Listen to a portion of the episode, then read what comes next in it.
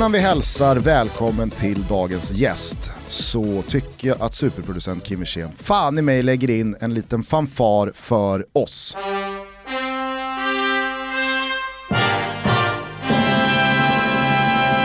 Vet du varför Thomas?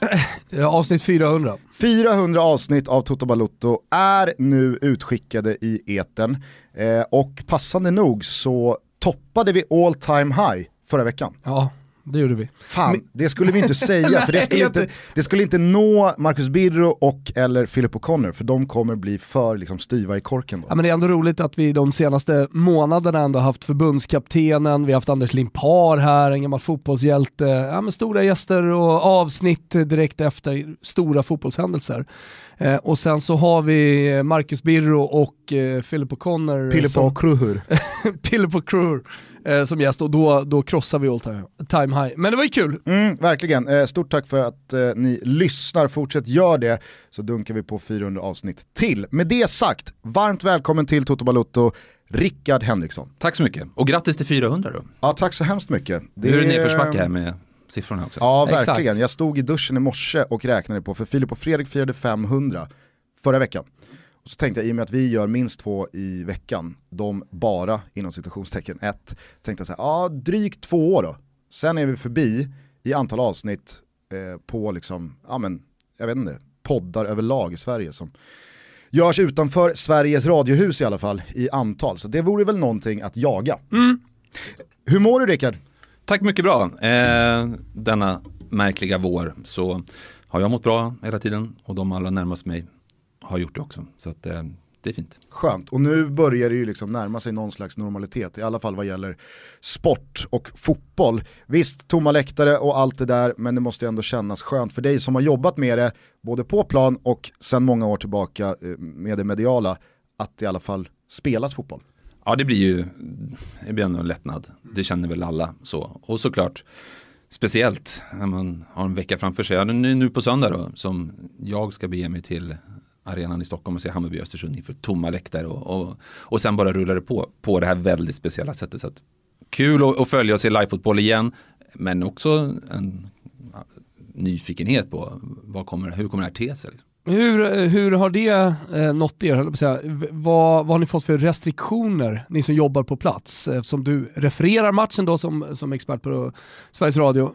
Ja. Har det blivit liksom en lång bibba? Man pratar om det där tyska pdf-arket med 44 sidor och Sverige har ju även, SF har ju tagit fram ett också. Ja men exakt, vi har ju bara läst det som, som är offentligt att läsa för alla. Eh, och där är det ju, dels är det ju väldigt hårt reglerat hur många journalister som får dyka upp Just på arenan. De två sändande bolagen, tv såklart, mycket större produktion har ju, vad är det nu för tal, är det 25 stycken tror jag, eh, som får komma eh, in på arenan? De som sänder i radio, alltså Sveriges Radio och Radiosporten, vi får komma in med, med fyra stycken. Det kommer nog inte vara fyra stycken på varje match, men vi har liksom rätt till det eftersom vi har rätt Men vill SR in två gubbar till så är det ju ingen som säger nej, nej, nej, nej än de fyra? Ja. Jo absolut. Jag tänker att SR står ju ändå hö högst i rang. Ja du tänker så ja, ja men inte högre Kvällsposten och GT. Inte, det inte högre folkhälsomyndigheten. exakt det jag skulle säga. För, Eller? för skrivande är det nog ganska speciellt, därför att där är det ju, jag tror formuleringen är i mån av plats, max två stycken reportrar och en fotograf från varje tidning eller ja, webbpublikation då.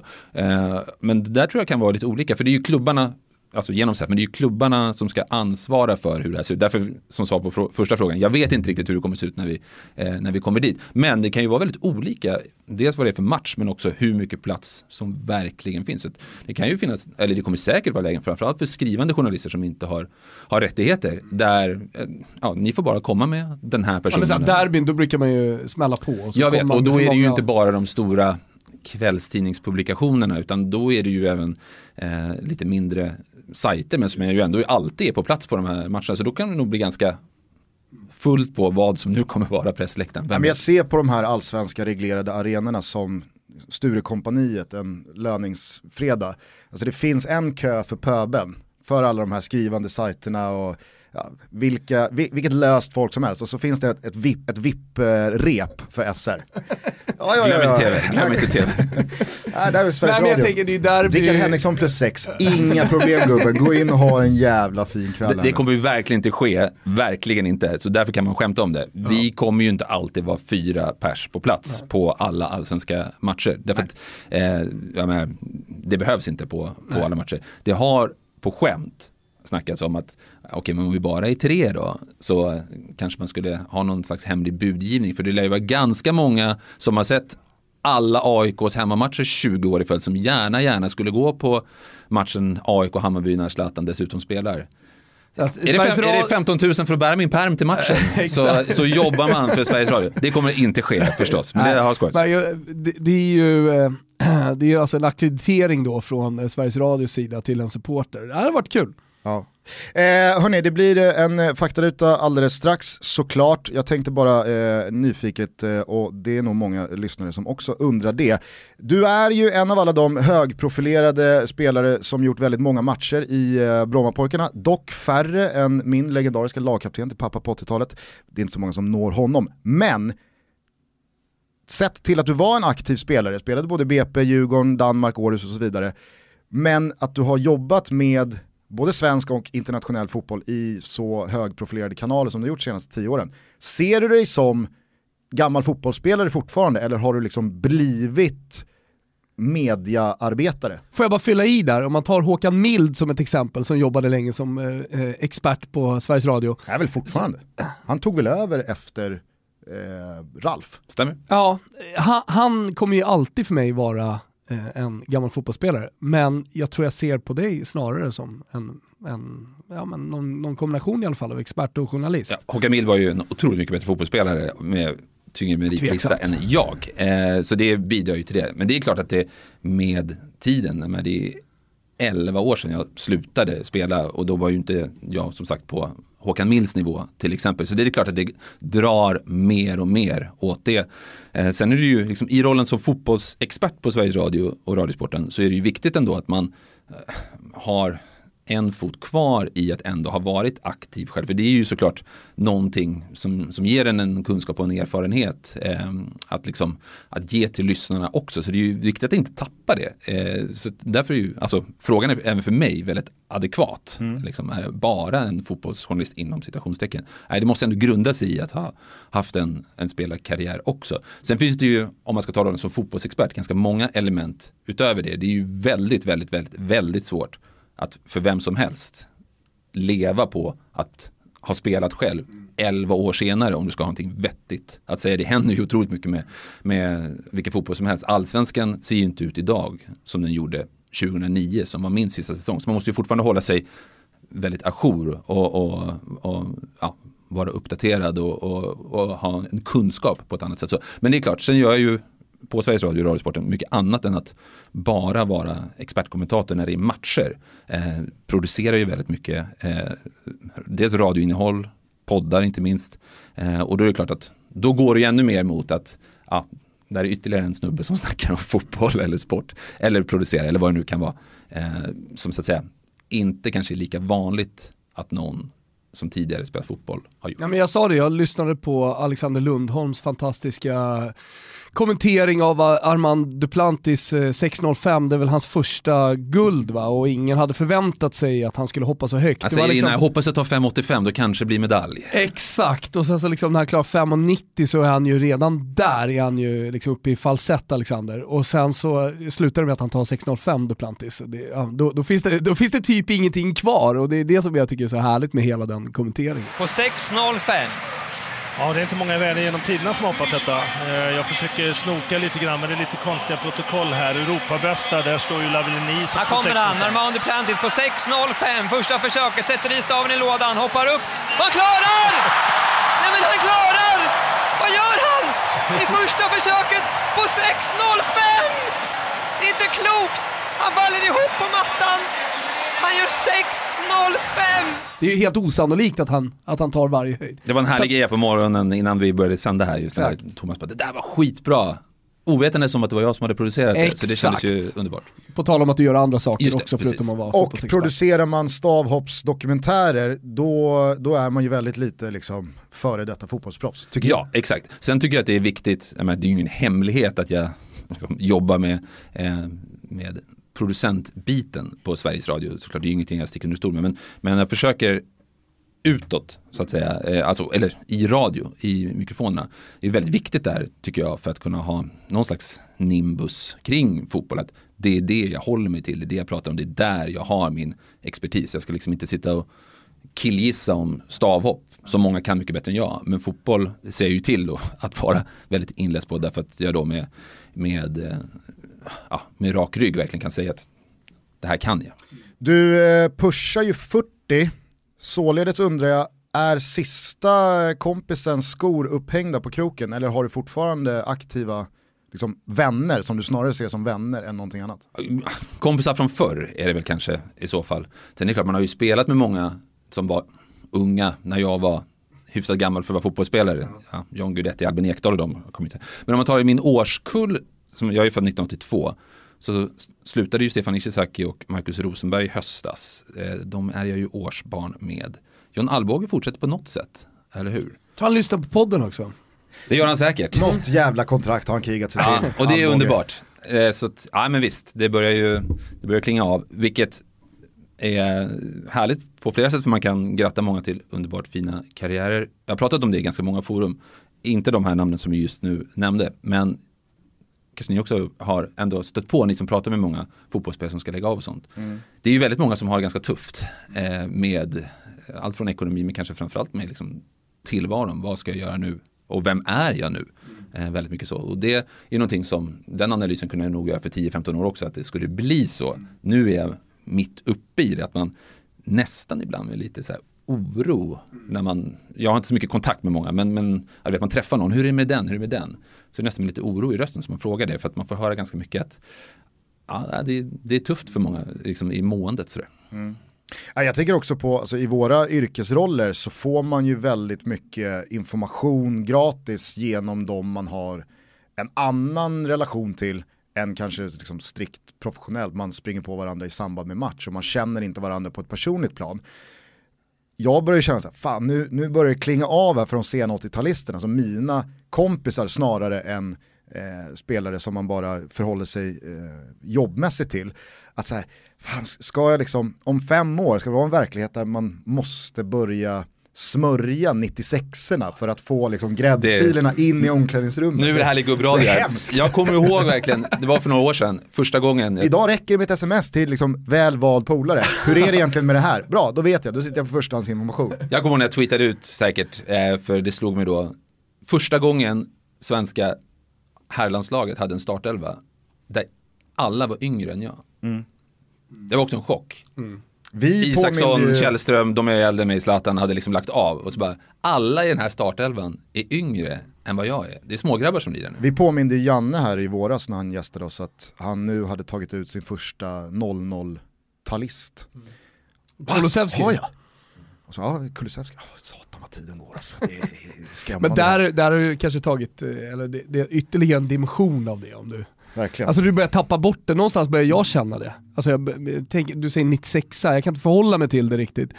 Förut så kunde jag alltid förhålla mig till alla eh, årskullar på något sätt. Jaha, det är det, 89 eller 88 och så här. Men, men eh, nu har jag, nu har jag bara släppt det. Men ur den här aspekten då, sett till mående postkarriären, kan du idag känna en glädje och tacksamhet, eller tacksamhet kanske är fel ordval, men alltså kan du idag vara glad över att det blev som det blev för dig karriärmässigt när du valde att avsluta den och att du i tid kom in i en annan del av fotbollen som gör att du idag kanske känner att jag vet vad jag kommer hålla på med i 5, 10, 15 år framöver och jag trivs med den jag är idag och inte känna speciellt mycket avund på gamla polare eller gamla lagkamrater som förvisso kanske har fyllt på bankkontot med några nollor mer, men som idag är så här, jag vet fan inte vad jag ska göra med mitt liv. Nej, jag är oerhört glad över det, verkligen. Det var, jag la ju av när jag var 27, eh, vilket ju var väldigt ungt. Och många som sa, varför? Det var det första Kim Bergstrand, min tränare, sa.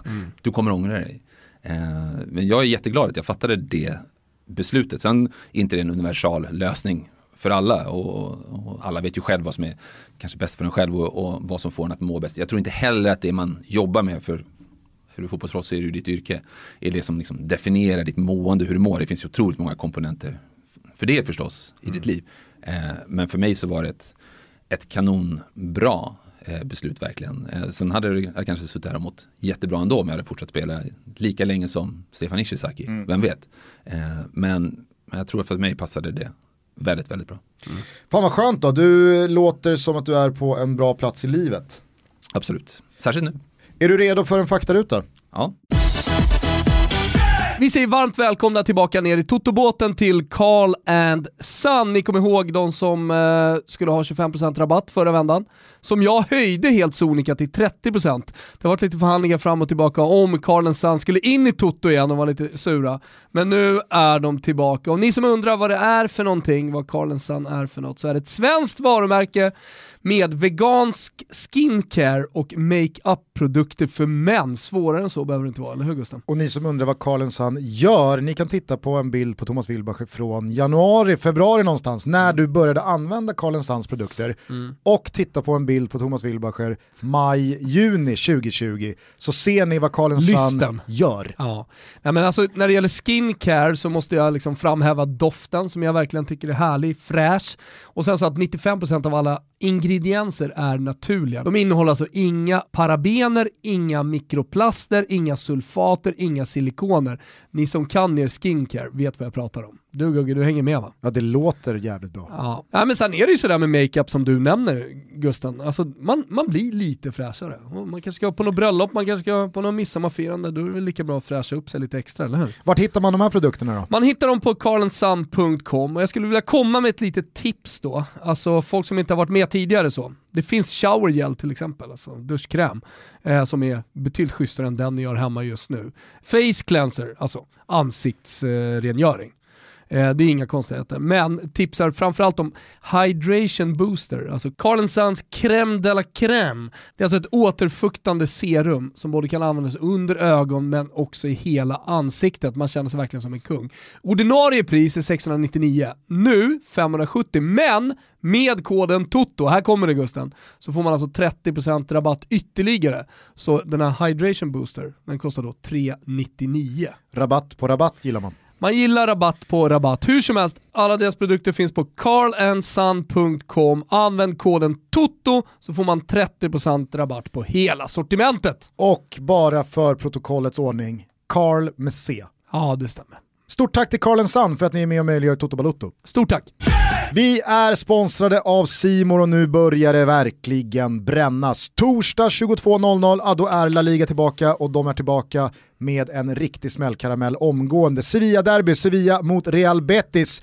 Adam Pintorp kommer hit på onsdag morgon för att prata upp omstarten av La Liga, missa inte det och sen så rullar det igång med omstartspel hela vägen fram till söndag kväll då Gugge tar plats i studion tillsammans med Aha. Anders Andersson och eh, visar då Real Madrids första match efter coronan, Alexander Isaks första match efter coronan. Så att, eh, Jävla studieinramning, och Anders Andersson kommer upp också. Det ska jag kolla på Gusten och det tror jag våra lyssnare också vill göra. Om man vill ha lite spänning fram till dess så rekommenderar vi varmt att ni kikar in på avgörandet av Sportmästarna, Simors Sportfrågesports program som rullat här senaste tiden.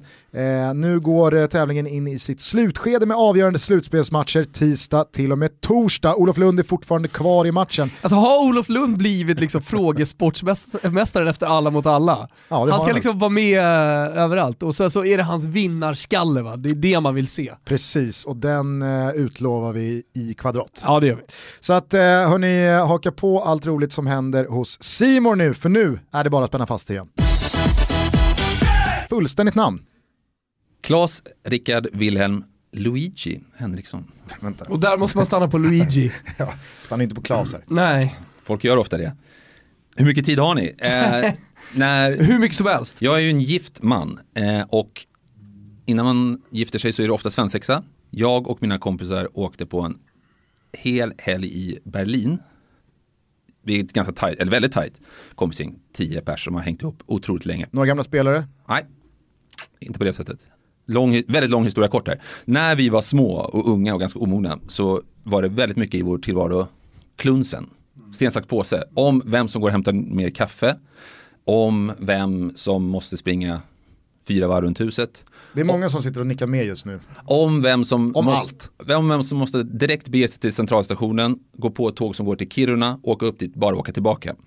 Typ det där eskalerade till otroligt märkliga saker. Det, vi hade en regel som var, för absolut inte var orespekt mot någon annan. Liksom, det ska aldrig vara på någon Nej, men annans inte det här eh, Filip och Fredriks tidiga liksom, Nej. eh, tv-program när, när, när, när Fredrik skulle gå och ta folk på kuken Ah, nej, i, i uh, Sturegallerian. Var det Fältöverstan? Jag tror att det är Fältöverstan. Ja, usch. Nej men det är absolut inget sånt. Utan det skulle Men bara Kiruna vara på- låter ju, det, det är ändå... Det var, det var midsommar kommer jag ihåg. Det var så Det dagen alltså? efter, åkte till centralstationen och så bara tåget upp till Kiruna, ta en, det fanns ju inte smarta telefoner, Nej. Ta en bild på Kiruna station, åk tillbaka. Jag skulle Eh, säga sena 70-talister, tidiga 80-talister som på något sätt eh, rörde sig kring fotbollen i Stockholm. Klunsen är otroligt närvarande. Den är ju väldigt enkel, alltså inte på den där nivån men jag kan fortfarande med kompisar, eller med min fru, liksom vad, vilket av de här två väldigt bra alternativen ska vi välja? Ska vi läsa ikväll eller ska vi titta på The Last Dance? Ja, vi kör en, vi kör en sten, sax, påse om vad det blir. Den här storyn i alla fall var att det var någon midsommar där vi 2002, vi, hade, vi var på Gotland, tittade på fotbolls-VM. Eh, Du var mitt uppe i guldrace. Ja, men vi var lediga. Det var ju VM. Eh, så då hade vi, så att vi kollade på VM-matcher, då körde vi en kluns om, jag tror vi lottade om vilket namn det skulle vara. Vem, då skulle en i kompisgänget lägga till, alltså officiellt i sitt namn, Papa Boba. Ni kommer ihåg Papa Boba Ja. Diop förstås i Senegal. Så han heter det sen sommaren 2002. Det där har ju lite blivit hans grej, att han kan berätta att han heter det och så vidare. Och så undrar folk, nja, och så visar han liksom läget till passet. Det var samma gäng då som åkte till Berlin och då hade de, det här visste inte jag eftersom jag var föremålet för svensexan. Då hade de styrt upp så att under hela den här helgen så hade de en lista på olika namn som det skulle då köras med alla sten, sax, påse om. Så alla åkte ifrån Berlin med ett ytterligare namn. Och det var inte bara så här, ja så ska vi kalla dig för det. Utan de hade skrivit ut de här talongerna då som man postade direkt till Skatteverket. Till Skatteverket. Ja, det var klart liksom. Det var klart. Och då kunde det då Ambitiöst. någon gång under helgen komma upp att vem ska heta Method Man? Och så var det då av de som var kvar så var det då Sten, sax, påse om det. Och mitt, mitt namn som jag fick som jag ändå var väldigt nöjd med. Ja. För Luigi var lite så här, jaha, det var speciellt. Det, liksom, jag hade kunnat säga att jag heter David Alexander Method Man Reiner som en av mina Så kompisar. jävla mäktigt. Men Men det blev ett väldigt härligt minne från den där resan. får jag bara fråga kring pappa Boba där. Mm. Eh, var det pre eh, Sveriges uttåg mot just Senegal för att man eh, insåg att okej, Senegal, pappa Boba Diop, det verkar vara en jävla skön spelare. Många upptäckte ju pappa Boba Diop för första gången när Senegal då slår Frankrike i en av VMs första matcher. Ja. Eller var det efter Sveriges uttåg? Nej, det var efter, efter premiärmatchen som var mot Frankrike och några fighter till. Då är det ändå ödets ironi då att Sverige får Senegal och åker surt så in åt helvete mot Senegal och pappa Boba. Precis. Och då sitter pappa Boba där och, och heter pappa Boba. Ja, fantastiskt. En, eh, nej inte en av dem. Den bästa liksom, här, här stannar vi upp på ett namn. Ja, det kanske inte händer så ofta att folk Nej, det har det. Oftast är ju liksom, Ibland kan jag tycka att Gusten eh, liksom stannar till på namnfrågan. eh, I onödan. Ja, men, alltså det finns inte så jävla mycket att kräma ur ett mellannamn. Men eh, Gusten han försöker ändå göra det ibland. Nu, Jag kan- jag nu, kan ge er nu hela var det rimligt på- att vi gick vidare på Ja, det. jag kan ge er hela listan sen. det var mödan värt. Mm. Eh, ålder, 37. hur skulle din bästa vän beskriva dig? Jag börjar med att tänka mig vem som är min bästa vän. Är det pappa Boba eller? En av dem, absolut. Jag har så svårt att säga en. De är, de är båda två där. Eh, Då tror jag de skulle säga att jag är ambitiös. Tyckte du att det var rätt eller fel av Helsingborg att kicka Sören Kratz efter dennes förvisso alldeles för långa men också fullt begripliga ärevarv på Söderstadion 2002? Han hade tappat omklädningsrummet. Kan man ta kvar. Okej. Vad lägger du pengar på? Förutom de- namnbyten. Ah, Det kostar, kostar väl en slant. Men det har ju bara skett en gång. Jag är ingen spenderare alltså. Det är jag inte. Nej. Böcker kanske. Vilka språk behärskar du? Ja, bra svenska och engelska. Vilken tv-serie Dan- ser du just nu? danska är jag bra på.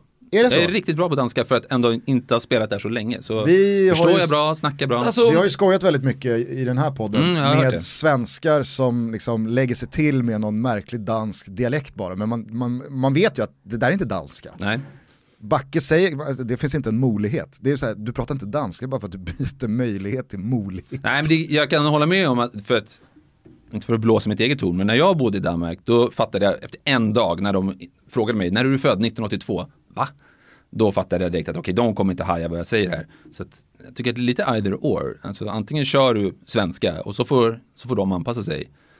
Eller så försöker man köra danskan rakt av. Och jag har alltid en sån jävla respekt för fotbollsspelare som kommer till ett nytt land och ja, lär sig språket. Ja. Det, det, är någonting, eh, ja men du vet, det är någon, ofta Italien, någon som har varit där i tre fyra år, så mm. har de inte lärt sig italienskan. Då, då, då, kan jag tappa lite respekt för fotbollsspelaren också. Mm. Även fast jag såklart inte ska göra det. Men, nej, men, nej, jag förstår vad du menar. Jag tyckte att det var, Sverige-Danmark är ju som att flytta till Italien, men det var ett ganska kul projekt där ja. också. Att så här, nu får jag ett språk. Kan vi få höra, jag kom till Århus 2006 och vi hade ett ganska bra lag. Eh, det var ju ganska likt men med någon slags jysk dialekt. Vad sa du, när jag kom till Århus? Jag kom till Århus 2006 och vi hade ett ganska bra lag. Eh, när, jag, när jag kom till Aarhus 2006 så hade vi ett skit-skit-håll. Skit-skit-håll? Vi skickade ner jag ändrade det där, vi hade ett dåligt lag, vi åkte ner. Har du gjort dansk radio? Alltså så, här, så att... Eh, ja, ja, alltså, så lite förstår jag danska, att när du säger skit skit så tänker jag, skit skit betyder alltså ganska bra. Okej, okay. men Rickard ändrade ju till vi hade ett skitdåligt lag. Men det, det hajar inte jag. Jag hade kunnat sagt vad som ja, helst. Ja, jag förstår inte danska äh. överhuvudtaget.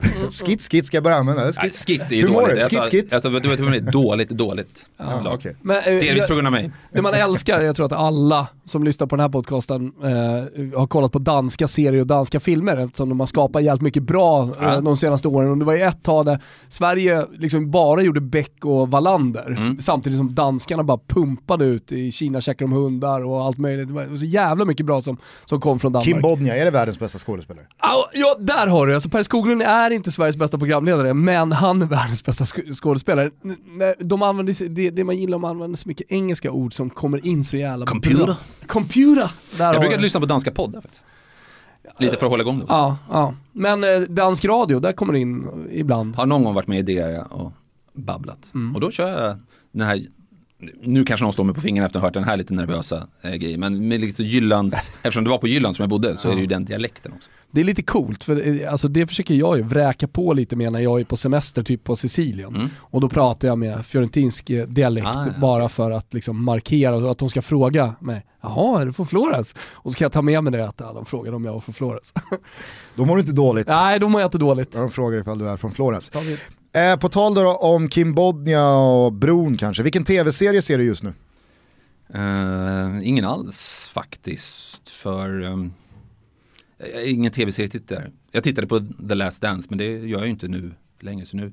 Ja, um, uh, Le Bureau, falsk identitet. Ah, okay. Har jag sett, också sett klart, så ja. tittar inte på det nu. Men, ja. Jag uh, hörde Fredrik Wikingsson sälja in falsk identitet som typ bland det bästa har som gjorts. Har ni inte sett den? Nej. Oh, sett den. Eh, han sa det är bland det bästa som har gjorts senaste åren, men det är ett krig första två avsnitten. Du måste liksom orka dig igenom dem.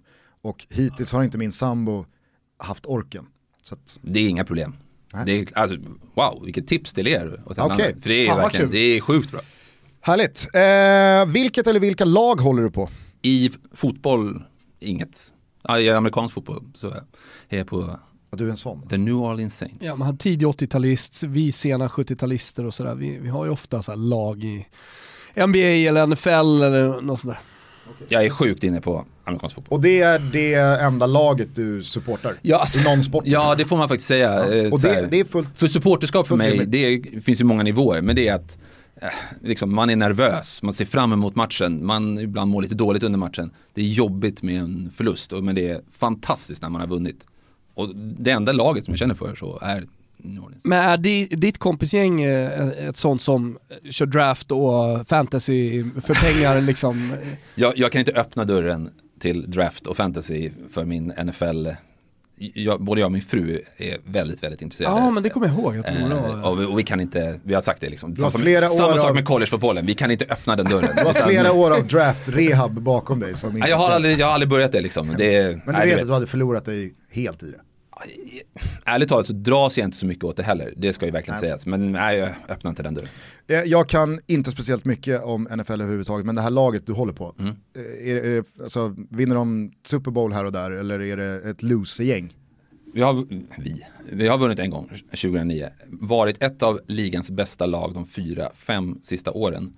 Eh, två av de fyra senaste åren så har vi torskat på helt horribla domslut. Ett så horribelt för två år sedan så att man till och med liksom gjorde, man gjorde en ny regel som var att om en sån här domartabbe sker det sista som händer så måste man kunna kolla på det på video. För det här får inte ske igen att en sån här domarmiss gör att ett lag inte går till Super Bowl. Så att vi är, Saints är riktigt, riktigt bra. Kommer, om ingenting går åt pipan, gå, gå till slutspel även i år. Men det är svårt att vinna Super Bowl. Nu är jag en eh, enormt stor konsument av Rickard Henriksson och fotbolls, eh, säga, fotbollsmän, radiosporten. Mm. Eh, jag har aldrig hört dig prata NFL på radiosporten. Du hörde min taktik här förut. Mm.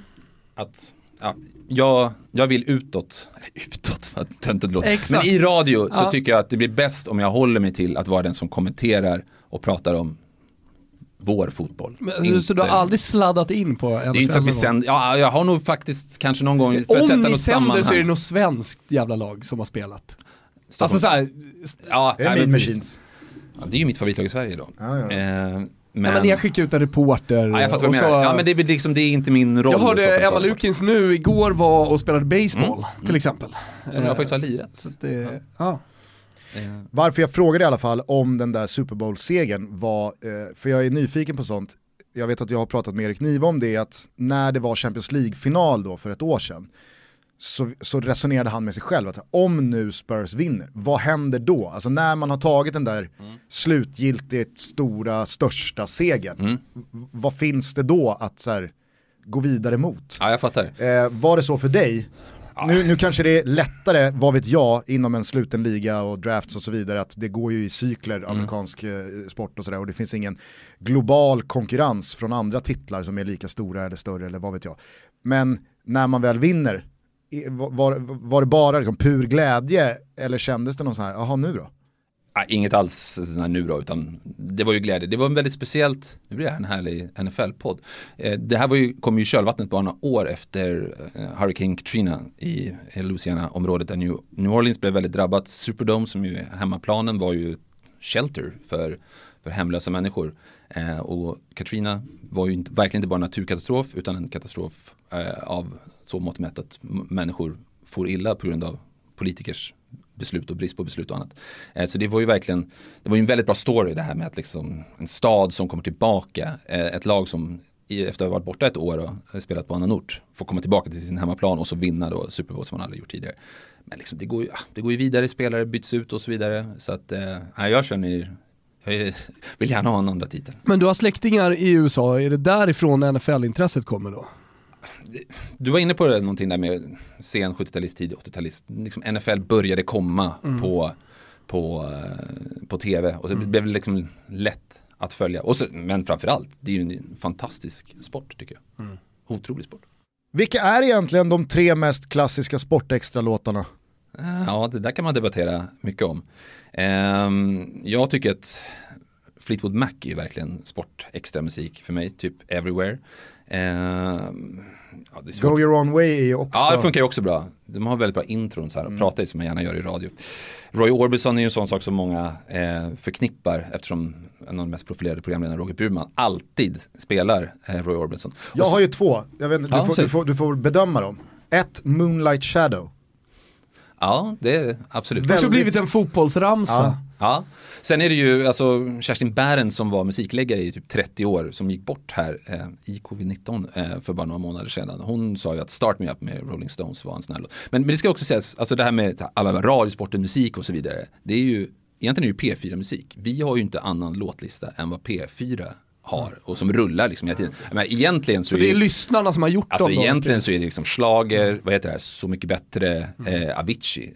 Det är P4-musik. Men, men man, det är när de här låtarna dyker upp i Sportextra som folk säger, aha nu spelar de typ Sportextra-musik. Det går egentligen under hela dagen. Vi har ju, eftersom vi är Sveriges största radioprogram, eh, vi har ju många som lyssnar bara på Sportextra. Alltså man lyssnar inte på P4 några andra tider på dygnet. Och då blir det lätt att man tänker att ah, nu är det typiskt Sportextra, de lirar ABBA här.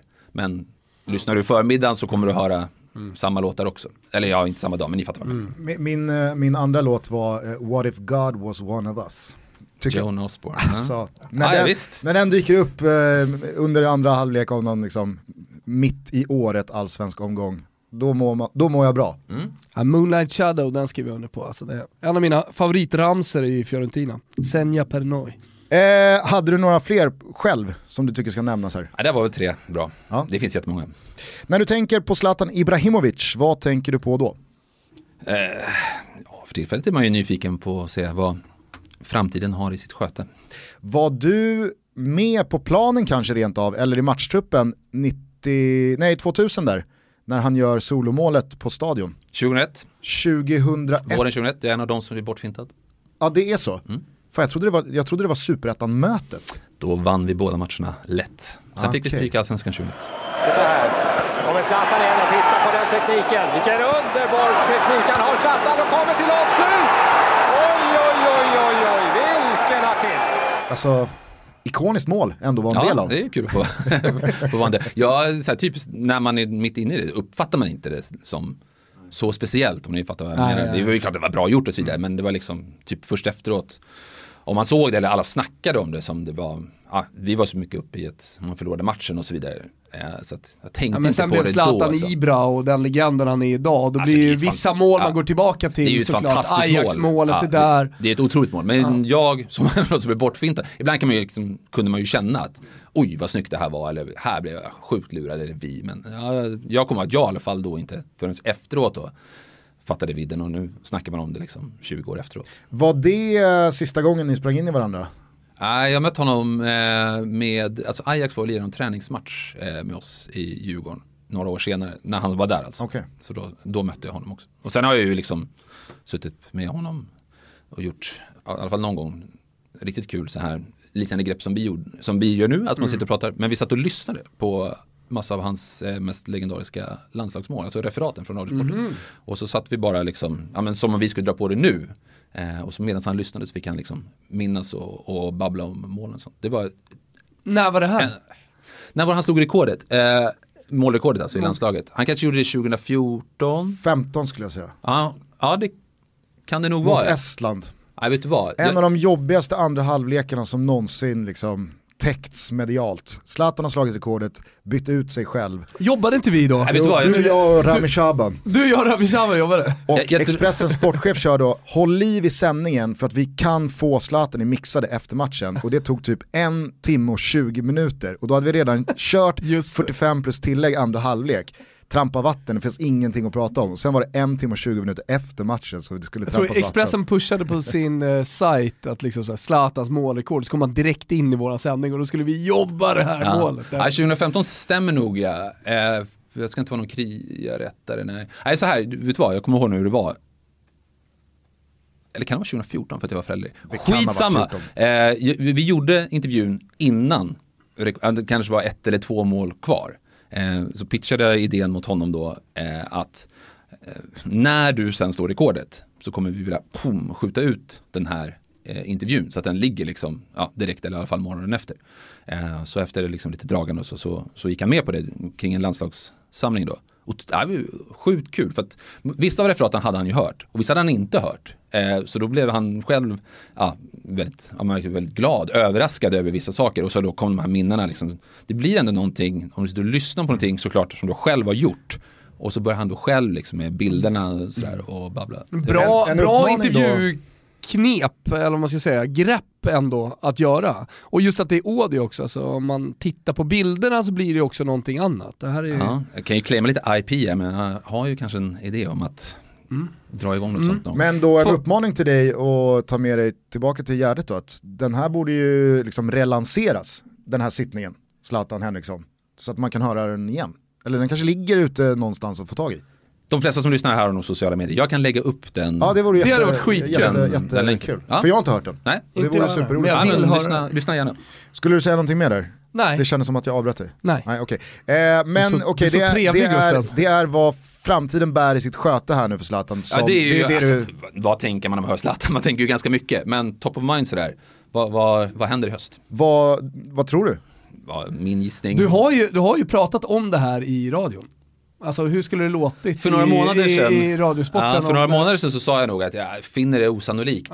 Ja. Eh, sådär. Men, Men precis som alla andra och, och marknaden på något sätt har ju vänt. ja, och liksom, jag, med, jag har inte bättre insyn, eller jag har sämre insyn än, än många andra. Men, men man pratar lite med folk och hör sig för och så. Och det vet ju, det vet ju ni också, det är ju allmän gods. Liksom att I Hammarby så är man ju, de är ju själva förvånade över hans, hans stil när han nu körde några veckor, nästan en månad med, med laget. Det var väl ingen som var förvånad över att han är väldigt bra, att han liksom, det här klassiska, han ställer krav på sig själv och de andra. Men han, är det jag har fått höra, att han brydde sig så mycket och liksom om laget. Det var ju som att, har det sagts mig då, att det kom ett nyförvärv som var mån om att vi ska vara så bra som möjligt i den allsvenska premiären. Och ja, Zlatan är ju ganska enigmatisk, det är ju svårt att liksom dra solklart streck att det kommer betyda det här. Men det är så svårt att se att han liksom lajvar det en månad och sen struntar, struntar i. Men vem vet? Nej men just hans engagemang i Hammarby har man ju nåtts av. Det, är ju lite det du pratar om också. Att, eh,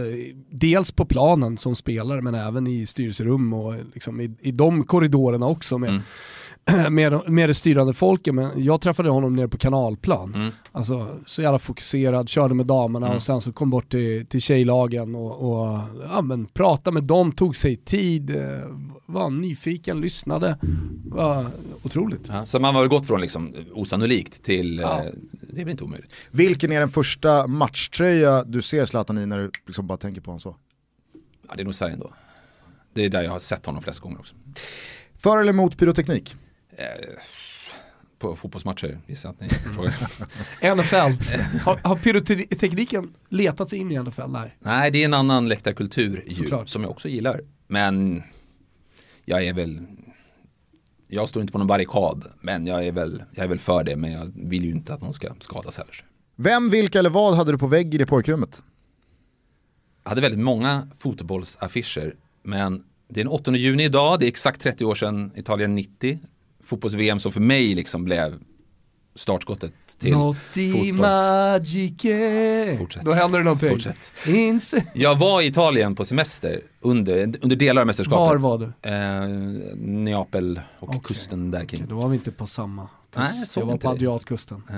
Då köpte jag, Aj, köpte, men jag, Ja, men det sju... Trist. ja, men jag hängde med eh, ett par svenskar liksom, under de tre, fyra veckorna som Ja. vi var där. Någon blond, så att jag bara, så här, Tänk som jag inte hade kommer ihåg det. namnet på. Hade du sagt Bibione så hade jag bara, hängde vi där? då fick jag en Italienflagga med, eh, då hade de ju vunnit tre eh, världsmästerskap, med liksom i trikoloren då, eh, de två olika, eh, ja, alltså versionerna av. VM-pokalen. Den hängde liksom från att jag var då sju till kanske alldeles för långt uppehåll. Hänger fortfarande. Hade ju varit kul ifall det liksom går upp för att det var, eh, det var Rickard som du träffade i Italien. Ja. När han säger, det var ju, eh, det var jag och Method Man. och du kommer ihåg, han hette fan Method Man. Just det. Men, men vad du, eh, du, du gillade italiensk fotboll? ja, det gjorde jag. Eh, För jag, jag var ju liksom noll svensk fotboll, alltså till och med landslag. Så VM 90 så, här, så, så det var bara Italien Ja. som jag brydde Det blev ju såklart så, det var ju också så här slutet av 80-talet, det började komma liksom Milans fantastiska lag eh, som jag ju ja, hejade på Mm. då jag fick en Milan-tröja av min pappa som hade varit och, och jobbat i Milano. Eh, men jag hejade på den nivån att man fick se en match om året. Ja, och sen så började liksom, men just det, Italien 90, åka till Italien, det var ju då fanns det ju ingen som åkte runt och tutade med bilar eller badade i fontänerna. Sverige hade vunnit en fotbollsmatch. Så såg det ju inte ut. Och så då komma ner till ett fotbollstokigt Italien där man liksom skulle gå och lägga sig efter åttondelsfinalsegern mot Uruguay. Men det gick inte att sova för det var bara sånt liv utanför. Och, eh, min farfar och farmor då som jag var där med, liksom, ja, men det är för att de firar segern. Så det var ju omöjligt att inte liksom bara dras, dras totalt, totalt. Sånt med gör saker med en åttaåring. Ja, och du var ju verkligen på rätt plats också. Alltså, Ja. Mycket var ju eh, centrerat kring Neapel. Vi var ju då i området där Kamerun, England och sen Argentina, Italien spelades. Så att i en annan värld hade man kunnat vara, vara på den matchen, men det gjorde vi inte. Vi är denna vecka också sponsrade av våra vänner på Randstad. Precis, nu eh, börjar det ju bli lite sommarlov för en hel del semestrar och så vidare. Men det kanske då är läge att ta den här sommaren till att fundera på Gör jag det jag vill göra? Mm. Gör jag någonting som uppfyller mig? Gläds jag åt min vardag? Och så vidare och så vidare. Nej men då, är ju vårt budskap att man ska hela tiden tänka på Randstad. Alltså det, det är ju såklart jobb. Randstad är jobb och karriär och allt sånt. Eh, men det är också livet. För jobbet är en så stor del av ens liv. Och då är ju Ranstad så jävla viktigt. Gå in på ranstad.se, registrera ert CV, få hjälp med eh, att eh, ja, avancera i er karriär, kanske helt byta bana efter önskemål, bevaka jobb som skulle kännas intressanta att nå, eller ha bara ett eh, samtal med Randstad om ditt arbetsliv så kanske det kommer något eh, slags uppvaknande till er eller en tanke som ni inte tänkt förut. Och så kanske du inte såld än så tänker du, jaha vad är Ranstad för någonting? Jo, de är världsledande vad det gäller jobb. Stort tack till Randstad för att ni är med och möjliggör Toto Balotto. Det var lite stolpe ut eh, i första Toto-trippen här efter eh, både Poker-Toto och Trav-Toto, men vi sitter inte här och surar över det utan vi hoppar upp på kusen igen. Ja, framförallt så liksom tar vi plats i det här maratonracet som är spel, Gusten. För att eh, du, du kan missa något men det kommer nya spel hela tiden. Och kommer nya spel hela tiden, herregud, nu står ju liksom fotbollen runt hörnet och väntar på oss. Precis, eh, så att eh, till helgen så har vi ett mycket mer digert utbud än bara inom citationstecken Bundesliga och tysk fotboll. Så att häng med oss på nästa Toto-trippel i helgen. Men innan dess så skulle vi vilja puffa för våra långtidsspel vad gäller Allsvenskan 2020 som nu finns tillgängliga under godbitar och boostade odds hos Betsson. Ja, och inte bara tillgängliga där. Vi kommer alltså att släppa ett lite liten specialnugget där vi går igenom alla specialspel som vi har tagit fram. Men redan här och nu så ska ni få några av våra tankar så att ni förstår vart vi står här. Vi tror att det där SM-guldet landar på Södermalm. Ja, vi gör ju det. Eh, sitter jag som aik här och suckar lite, men, eh, men eh, ja, framförallt är jag såld på din motivering med att eh, Hammarby vinner de här matcherna som vi tror AIK, Malmö, andra guldkandidater kanske inte riktigt lyckas liksom, klara av Kalmar borta. Äh, men eh, jag har ju sett eh, mitt AIK åka på 1-1 mot Örat i 80 minuten och sådär. Så det, känslan är att Hammarby är ett lag som bara städar av och sen så då kan man också förlora en stor match. Precis, man kanske inte är bättre än Malmö eller AIK, men vinner man tillräckligt många matcher mot andra lag så brukar man ju kunna ha råd att torska de där eh, toppmatcherna. Så att, eh, vi tror att Hammarby till slut lyfter SM-bucklan och sen så har du och jag varsin skytteliga-tanke. Ja, jag tror ju på Kolbeinn Sigthorsson och det gör jag ju för att jag, jag får rapporter. Jag hör att han ser ruskigt bra ut. Och ska man bara ta liksom individuell kvalitet, eh, spelare i allsvenskan, så är Kolbeinn i stort sett överlägsen. Du var väl själv nere på Karlberg här för några dagar sedan och bevittnade Ja. överlägsenheten. Ja, det gjorde jag. Och eh, får han bara vara skadefri, och det är ju en disclaimer man får ha med sig här såklart också med hans historik, men nu är han skadefri och får han vara skadefri, vilket jag tror han kommer vara, då, då kommer han bomba sönder den här allsvenskan. Jag tror att Paulinho mycket väl kan vara den spelare som gör flest mål i årets allsvenskan. Visst, det kommer vara ett intensivt matchande och Paulinho är inte en spelare som längre gör 30 starter. Men tittar man på hur det har sett ut eh, under de senaste åren i Häcken så är det ett väldigt bra målsnitt. Så att eh, jag säger, eh, får Paulinho bara speltid i 20 plus matcher då kan det nog petas in både 15 och 16 mål. Och det tror jag räcker till en skytteligaseger. Bestämmer ni själva om ni vill haka på Gustens boostade skytteligaspel på Paulinho eller Kolbeinn Sigthorsson då, mitt eh, spel vad det gäller skytteligavinnare. Återigen då, missa inte vårt korta lilla specialavsnitt om alla våra långtidstankar i respektive lag. Det ligger i eh, våra poddkanaler, ja egentligen från och med att ni hör det här. Och så hittar ni alla odds, eh, som sagt under godbitar och boostade odds hos våra vänner på Betsson. Kom ihåg att du måste vara 18 år om du ska spela och har du problem, ja, men gå då in på stödlinjen.se. Stort tack till Betsson för att ni är med och möjliggör Toto Balotto. Från din egen aktiva karriär då, vilken är den eh, fetaste upplevelsen? Eh, det är nog ändå, ja, men allsvensk debut är ju stort. Jag debuterade när jag var bara sjut- nyss fyllda 17. Det var ju väldigt, väldigt stort. Men sen blir det ju liksom, jag har ju vunnit SM-guld. Ja, men, alltså det året vi gick upp i allsvenskan andra gången med BP var också Alltså avgörande kvalmatch borta mot Ljungskile liksom. Men det blir ju, de stora ögonblicken är ofta det när det har gått bra. Liksom, så, där. så det är ju det. Men debuterade, förlåt, debuterade 17, var du barnstjärna när du var, när du var liten? Vad har du för moderklubb? Det är Djurgården. Ja. Jag spelade i Djurgården hela vägen.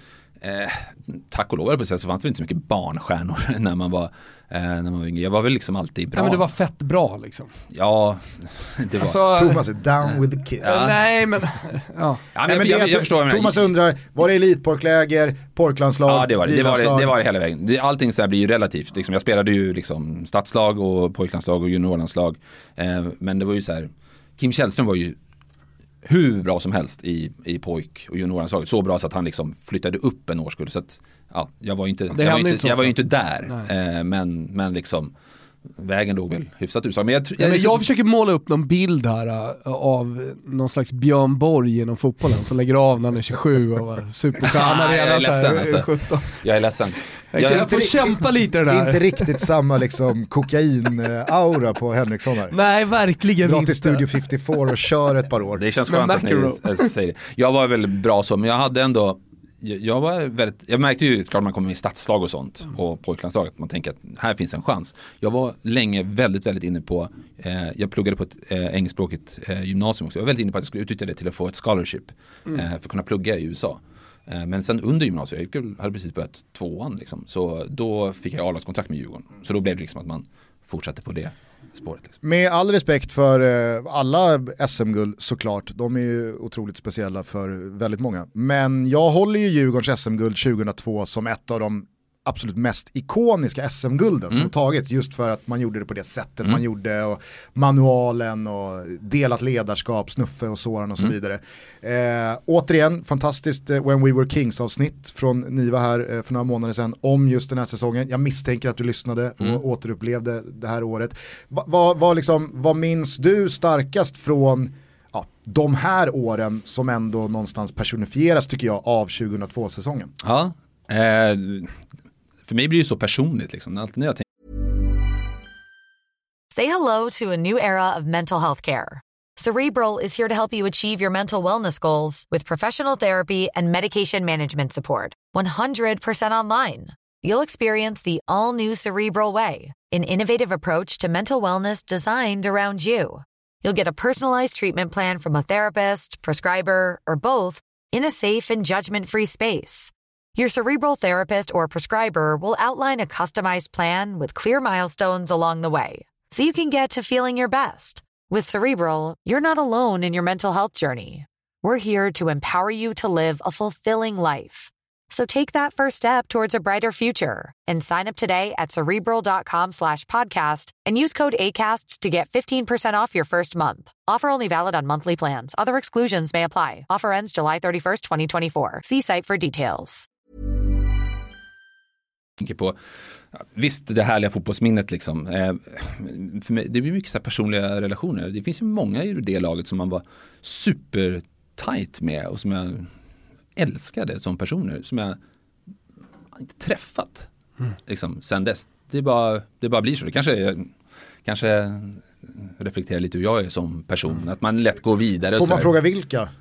Som jag inte har träffat. Ah, nej, som du var så jävla tight med och ni var verkligen nära men alla skulle jag säga, det är väl kanske det som, som skulle vara kroken här. Att jag har nog aldrig varit, eller jag har aldrig eh, sedan dess varit i ett lag, eh, varit många lag med riktigt bra stämning, men där liksom spelargruppen var så eh, tight ändå och eh, ganska oförstörd om man får vara så. En härlig blandning liksom av lite äldre, mer erfarna eh, spelare som fortfarande var hungriga och sen ett gäng yngre spelare, dit jag inkluderar mig själv då, som var otroligt motiverade liksom, som, som också var, drev på det där.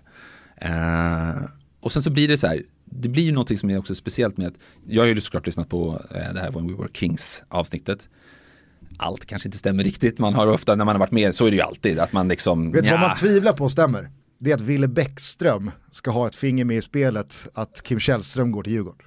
Ja, det, jag, var ju Det inte med, jag var ju inte med där och då vad gäller just det. Men, men det finns ju alltid så Det här, är liksom så här, Jättekul anekdot. Urbant så här, men- rykte. Verkligen, men det, Men det var kan inte 2002, stämma. det jag skulle komma till var att det är liksom inte överexponerat så mycket. Jag, menar, det, jag säger inte det som någon slags stofil att det var bättre förr. Det är ju helt otroligt för Djurgårdssupportrarna att det görs en snygg dokumentärserie om guldet 2019 där du liksom det är ju sjukt, du är med i omklädningsrummet. På tal om Wille Bäckström. På, på tal om Wille Bäckström som jag har legat bakom det. Eh, men, men jag gillar lite att 2002, som ju var liksom då första SM-guldet för Djurgården sedan 1966, bara tre år tidigare när jag debuterade ändå i allsvenskan så var det var det ens 2000 på matchen mot IFK Göteborg på mm. Stockholms stadion? Alltså allt gick så snabbt. Det var ingen som trodde att Djurgården skulle inom någon slags framtid vara där vi var, liksom, verkligen ledande, dominant i Sverige. Men trots det så är det liksom det här med att det inte fanns lika mycket kanaler att, att komma in och, och visa saker och ting gör ju att det liksom, nästan märker jag, finns en mytbildning kring det, att stories kan få, kan få fötter och, och nästan bli som sanningar och sådär. Och ja, det är ju väldigt många fortfarande som, som vi pratar med mig om, om ett sånt år eller de här åren och frågar hur var det med det där och stämmer det här och den här spelaren och sånt. Och det är nästan lite kul att liksom bara göda myten lite. Ja, att inte sådär liksom, säger jag för att verkligen. Alla personer, det är ju inte alltid det är så i ett fotbollslag såklart, eh, men verkligen alla personer där var några som jag liksom verkligen tycker om och respekterar eh, som, som människor fortfarande. Eh, men jag vet att det finns vissa grejer, jag själv till exempel har ju det här låter ju verkligen som att det var stenåldern. Då, det fanns ju fan inte sådana här telefoner. Jag hade köpt en sån här du vet, digitalkamera, filmkamera. Liten och behändig så man kunde ha med sig den var som helst. Eh, så sista månaden så gjorde jag, ja, det här var ju pre Wille Bäckström då, han kanske inte visste om det. Så filmade jag väldigt mycket. Jag kommer ihåg sista bortamatch mot Kalmar, så liksom i spelarbussen, eh, självklart inte i omklädningsrummet innan matchen, men liksom jag filmar i spelarbussen, typ träningen dagen innan kommer jag ihåg att liksom när vi hänger och käkar lunch och eh, är i massagerummet. Eh, men även guldmatchen mot Elfsborg. Mediamannen bodde i dig redan Ja, det då. fanns någonting. Det här var inte så jag tänkte att så här, det här ska någon annan se ut. Eget, mm. eget Men bruk. alltså det där måste jag bara fylla i, alltså på den tiden och det går att gå tillbaka hela vägen till 80-talet så var ju liksom videokameran, det var ju någonting som man, alla sprang, äh, all, pappor framförallt sprang runt med. På Lucia-avslutningen. Ja men det, det, finns ju, det finns ju fler eh, videokamera VHS-band hemma hos mig än vad det finns eh, eh Maradona och Pelé-filmer Gusten. Ja. Eh, men, men, men det filmades också mycket. Ja, det tvivlar alltså, jag inte på, eftersom det inte nej, finns men, någon. Och alla gjorde det, det var såhär, en dag på stranden i Bibione ja. 1990. Det var liksom tre timmar ja, bandning Man filmar mycket längre än vad man liksom. gör nu såklart. Ja, jag men, badar i en äh. halvtimme så här. det går inte att titta på, det är helt omöjligt. Men efter den här guldmatchen mot Elfsborg i Borås 2002, när vi hade vunnit liksom, eufori, så filmar jag ju liksom hela kvällen. Eh, och halva natten innan jag tappar kameran inne på Café Opera. Kameran är borta. Liksom. Eh, den är borta i ett dygn, man hinner tänka, vad, det, det, är ju så här, det finns ingen komprometterande på det sättet på de här, liksom, det är verkligen ingenting hemskt eller, eller opassande. Så jag var, men samtidigt så här, jag är kanske inte jättenöjd med om Expressen eller Aftonbladet eller någon får tag på var finns den här kameran, förutom då det uppenbara, den här kameran kostar ju 12 000. Mm. Eh, men ett dygn senare så, så ringer, jag tror de ringer från kansliet ändå, eh, alltså kansli. och säger att det var en tjej som hittade den här kameran. Hon, hon liksom har för att se vem som har filmat. Hon var inte ens fotbollsintresserad. Bara, det verkar vara liksom det här laget som var där och firade. Så hon ringer upp till kansliet och säger jag har kameran. Eh, är det någon i föreningen? Och då var det någon som visste att jag hade filmat. Så att, fick jag nog tillbaka den här kameran. Men, Sverige ändå. Sverige ändå. Aha. Men det här är 20 år sedan. Hade inte hänt i Neapel. men jag sitter fortfarande, det hade inte hänt idag, då hade det varit ute på YouTube på nolltid. Framförallt, hade det hänt i Neapel så hade det där samtalet till kansliet hetat 100 000 ah, euro ska jag ha. Jag, jag gav faktiskt en blomsterkvast och biljetter till den kuppfinal som var några dagar senare mot AIK Borås. Gick hon? Ja, det förtäljer inte historien, men jag hoppas det. Jo, men hon, hennes påjkvän var eh, supporter, så ah, jag gav snyggt. två. Eh, men vad ska jag säga, jo, alltså den här filmen finns ju kvar. Men har inte gjort något, gjorts något med... Vet du vad du borde jag sitter göra? på det, men jag tänker att ju längre tiden går, mm. desto... Men vet du vad du borde göra? Säg. Om två år är det ju 20 år sedan. Då borde ju du ta tag i och samla gänget. Och kanske liksom ses igen efter alla år, ni som var så nära och ni som var så tajta. Mm. Och kanske kolla på den där sista månaden. Ja, det är en bra idé.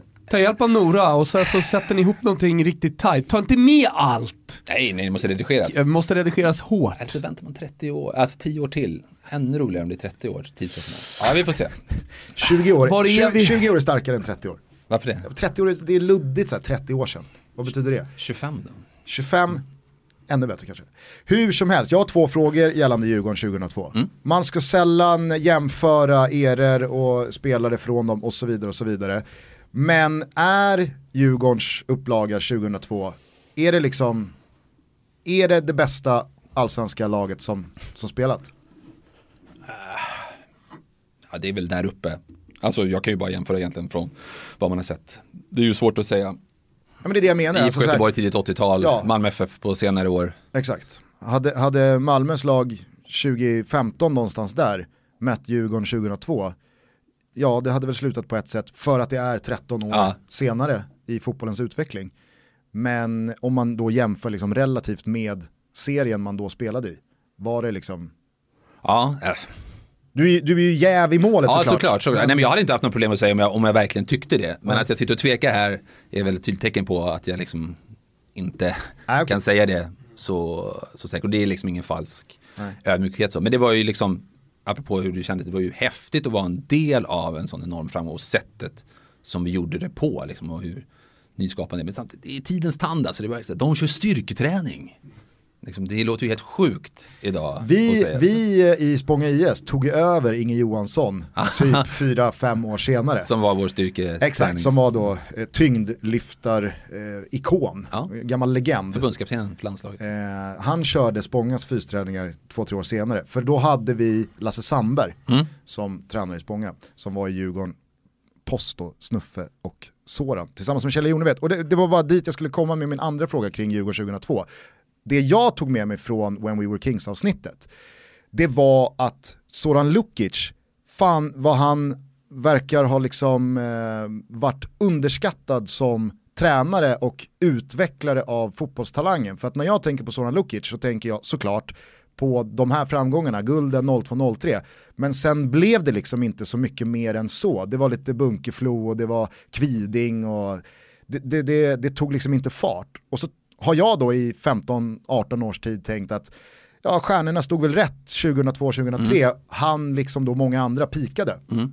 Och det är väl inte så konstigt eh, med det. Men så hör man det här och så känner man så här, fan Soran Lukic verkar ju ha varit en otrolig talangutvecklare och en jävla resurs som då inte togs tillvara på senare i karriären. Hur, eh, hur upplevde du Soran? Ja men absolut. Jag, jag hade ju Soran Lukic som tränare från att jag var 11 år. Eh, alltså, vi följdes verkligen åt inom ungdomsverksamheten i Djurgården. Alltså, låg pojkålder, pojkallsvenskan, juniorallsvenskan och han blev ju då huvudtränare i A-laget tillsammans med Sören Åkerby en månad innan jag flyttades upp.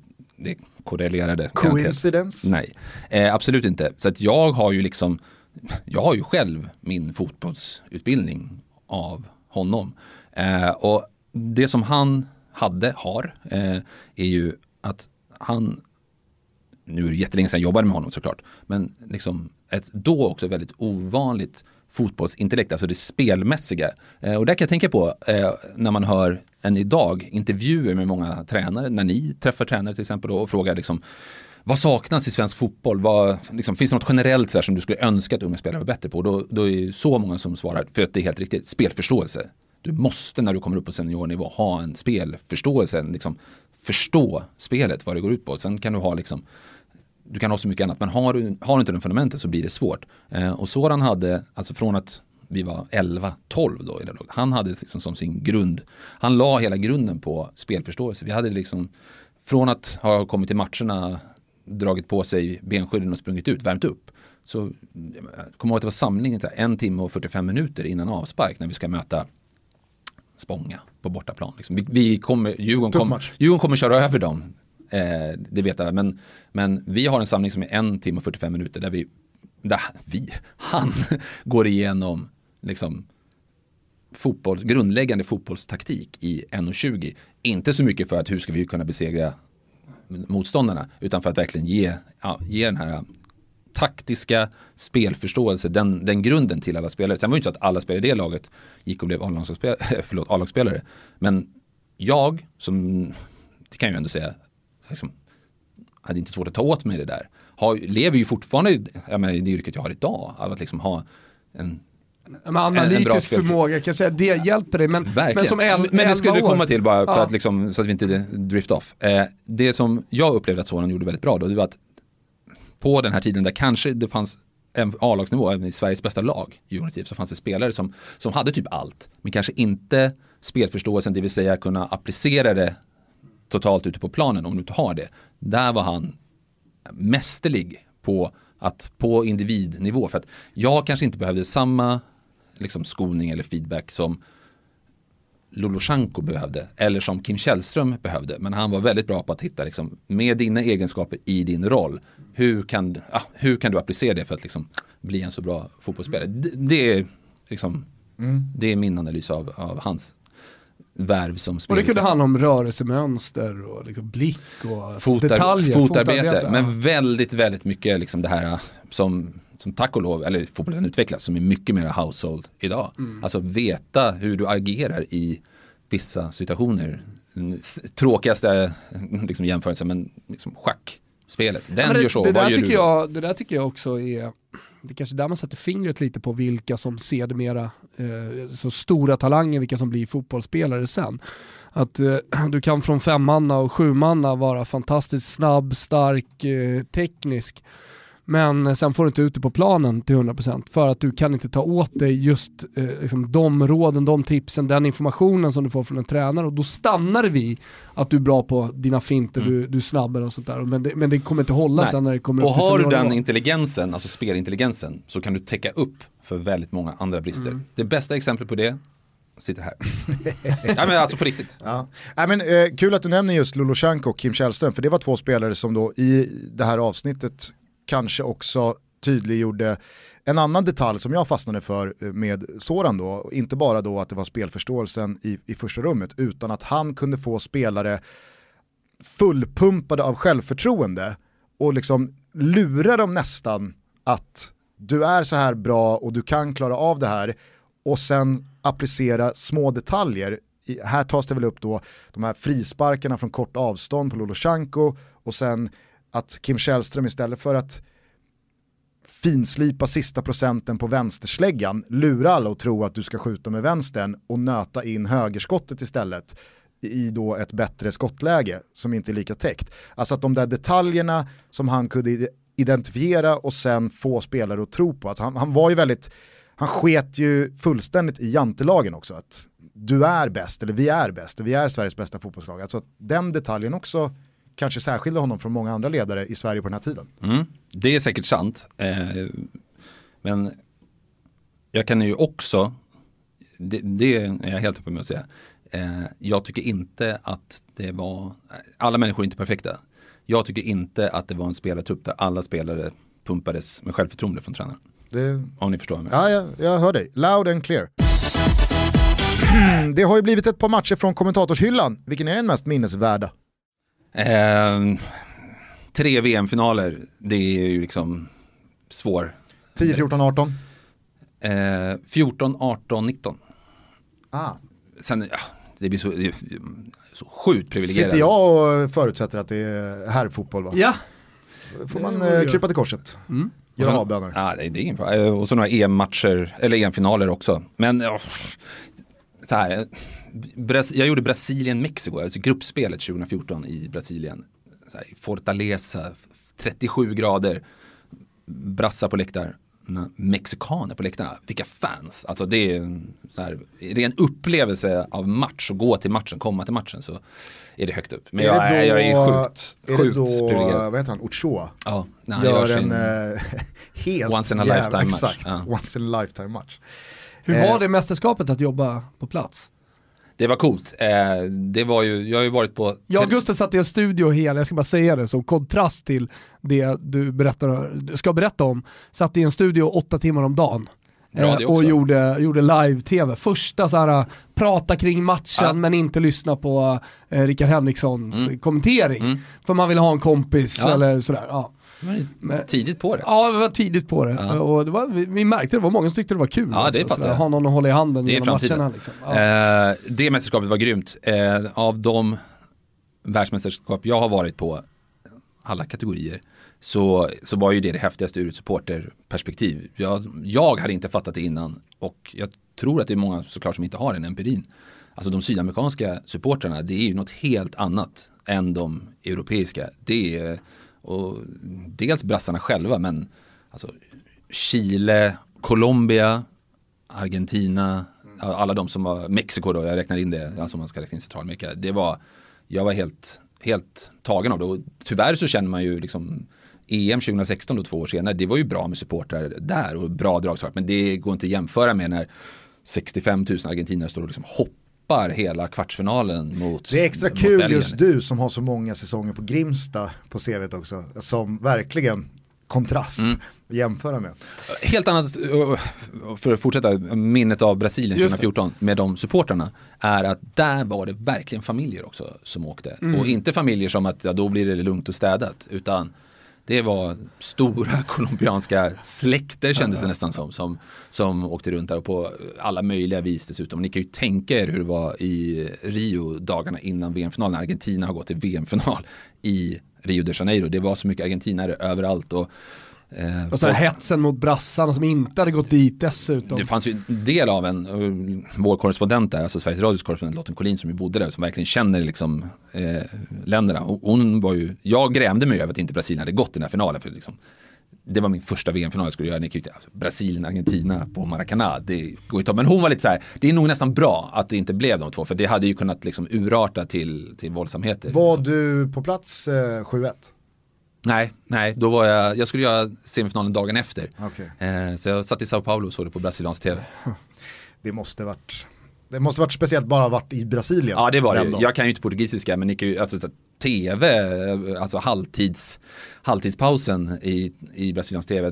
Det känns som att jag knappt sa någonting. Det var liksom, de, Det är, Ja, men så här, jag tänker är också- det någon gång liksom, någon bara myggar av sig själv och går ut och hoppar från fönstret så är det ju brasiliansk tv. ja, ni kan ju tänka er, Argent, det var jättemycket argentinare då i Sao Paulo, de skulle möta Nederländerna dagen efter. Alltså de var ju så också, de gick ut på gatorna bara för att håna Brasilianska Brasilianska supportrar för övrigt, har ni pratat om det någon gång i podden? Mm, nej, vidrigt beteende verkligen. Alltså hur mycket de liksom nästan mer skulle jag säga håna motståndarna än glada att de själva vinner. Vilket jag också fått förklarat sen efteråt att det liksom är Det är. Kommer du när det var Rio och OS så var, blev det ju en grej liksom att de brasilianska friidrottspubliken buar när någon trestegshoppare som tävlar mot någon, mot någon brasse ska göra sin hopp. Så gör man bara inte. Och, jag var liksom på flera matcher, jag såg någon Brasilien, eh, Brasilien-Colombia såg jag kvartsfinalen där på flygplats. Jag skulle till någon annan match. Det var ju såklart mest brassar där. En kolom, stackars colombiansk familj verkligen. Typ en morsa, en farsa och två barn. Sju och tio. Och när Brasilien vinner så är det inte stå och jubla och krama alla går fram till dem och liksom visar fingret och, och hånar de här barnen. Nej, det var, Jag- det jag var en dålig ihåg- grej av det brasilianska supporterskapet. Det här åker ju med i avsnittsbeskrivningen. Ja, Rickard. Henriksson om de vidriga brasilianska supportrarna. Inte alla brasilianska supportrar. Men, tänk- men många, alltså överraskande många. Ja, alltså nu, nu var det det mot Chile i åttondelsfinalen va? Ja. Eh, som brassarna hade, Pinillas skott. Ribbskott. Ribbskott. Typ ribbkryss. Ribbkrysskott. Ribbkrysskott. Som blev en tatuering på Alltså den är egen ju, rygg. man, man tänker tillbaka på liksom, eh, det var förlängning va? Eller var det ordinarie tid? Nej, det var förlängning. Det var förlängning. Så eh, tänker vi svenskar på Anders Svenssons stolpe innan Senegal avgör. Med pappa Boba. Med, med pappa Boba. Men alltså det att Chile är på väg att slå ut Brasilien och Pinilla av alla jävlar. Vad spelar han i Cagliari då? Ja. Jag har en rolig historia om eh, Materazzi där på finalen. Eller är vi ont om tid? Absolut Kan vi inte. klippa om det så? Alltså worst eh, case scenario så delar vi upp det i två, men vi kommer nog bara lägga ut det långt. Kanske gör vi två avsnitt och tar semester. Skit. Spela golf! Exakt, det blir en runda extra på onsdag. Skiter vi Ja. i Pinitoro inför La Liga-omstarten. På VM-finalen 2014 eh, Eh, så var pressläktaren på Maracana väldigt högt upp. Den var bakom VIP-läktaren. Vilket ju gjorde att det var ganska långt i planen, men fantastiskt för liksom stargazing innan en sån match. Jag hade på riktigt Rihanna under matchen, två rader framför mig, hon höll stenhårt på Tyskland. Jag tänkte liksom först, vem är den här galna tyska supporten innan efter en halvtimme när hon kanske vänder sig om, bara, det är Rihanna. Det var liksom inte, oj, Rihanna håller på Tyskland, utan Men då med, med din analys av sydamerikanska supportrar Mm. så gör jag då överslaget, hon är väl från Barbados, att hon höll då på Tyskland för att, alltså av spite gentemot mot Argentina. Argentina. Jag vet inte om de två länderna, ja, det, kanske, kanske. Men i alla fall. Bättre att något europeiskt land långt borta vinner än att man ska få massa kaxiga jävla argentinare Ja, så kan det ju varit. Då, om man hade varit i Brasilien så var ju det deras take på den här matchen. Ja. Men när man var då över den här eh, VIP-läktaren så det var ju liksom högdjur hela tiden eh, åt alla möjliga håll. De här Fifa-legendarerna som ju Fifa har knutit till sig som så här influencers för att legitimera både det ena och det andra. Eh, men inget konstigt att Marco Materazzi är där förstås. Och ni kan ju tänka er, nu snackar vi liksom två timmar, en och en halv timme innan match. Eh, ni kan ju tänka er liksom, selfie-ration i det här liksom, hänget som blir när, när de här storheterna dyker upp där på läktaren. Eh, jag var inne på att jag gillar amerikansk fotboll innan. Ni kanske också känner till Tom Brady. Ja, Ja, absolut. Quarterback numera i Tampa Bay, tidigare i New England, liksom en av deras, deras, en av de största idrottsmännen i USA. Alla kategorier eh, genom tiderna. Får man glänsa med att han är den enda med fem ringar? Sex nu va? Sex. Ja. det var nära. En gång i tiden Lite, hade han lite glans på det. Fan! Det är snyggt. Eh, han var ju där då, han är ju, Tom Brady alltså, han är ju gift med en brasiliansk fotomodell som skulle gå ut med Kalles Puyol och, och lämna den här eh, VM-pokalen som ju liksom ställs ut några meter in på planen. Det var för övrigt, nu, nu blir det avvägar här, det var väldigt kul när de skulle gå ut. Giselle Giseli som alla säger i Brasilien, Giselle Mm. Bündchen liksom, har väl gått catwalk sedan hon var 12. Hon kan ta en publik, du vet när hon kommer ut liksom så här, Det här är alltså Tom Bradys det är Tom Bradys fru. Ja. St- liksom, strider verkligen fram, liksom, sk- skrider fram på plan, vinkar åt alla. Kalles Puyol som hon går med, han har ju inte riktigt den.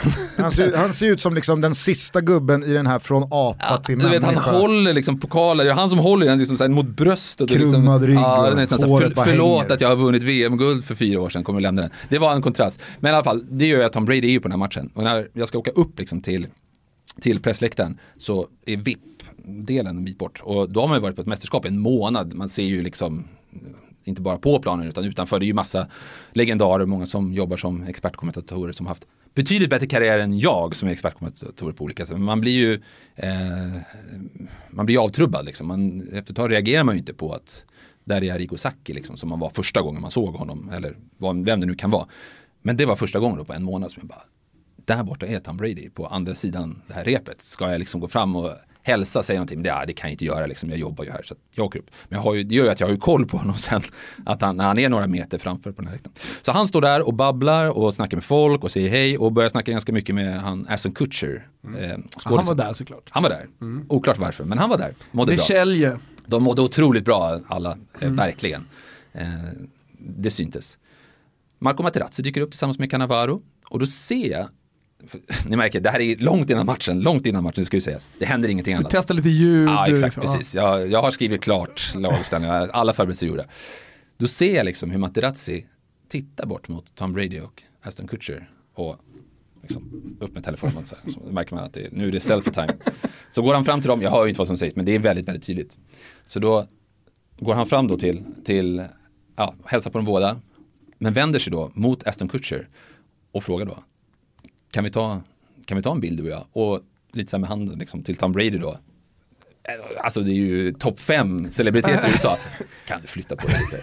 Jag ska ta, jag ska Så ta en jävla selfie här. Så väntat jävla italienskt. Spaggen Materazzi Ja. inte har någon aning om vem Tom Brady Ingen är. aning. Men har kollat ett, ö, alltså ett dubbat eh, That 70s show i 5, 6, 7 år på Han 90-talet, var tidigt 00-tal. jätteglad, liksom, glädjestrålande Materazzi att få ta en bild av Kutcher. Tom Brady garvade åt det här. Det var ju, det var ju också väldigt roligt att se. Han då liksom stegade åt sidan och, och bara stod och log åt det här. Att liksom Materazzi fick ta sin selfie. Men det kan ju absolut också vara så att ingen av de här två vet vem Materazzi är.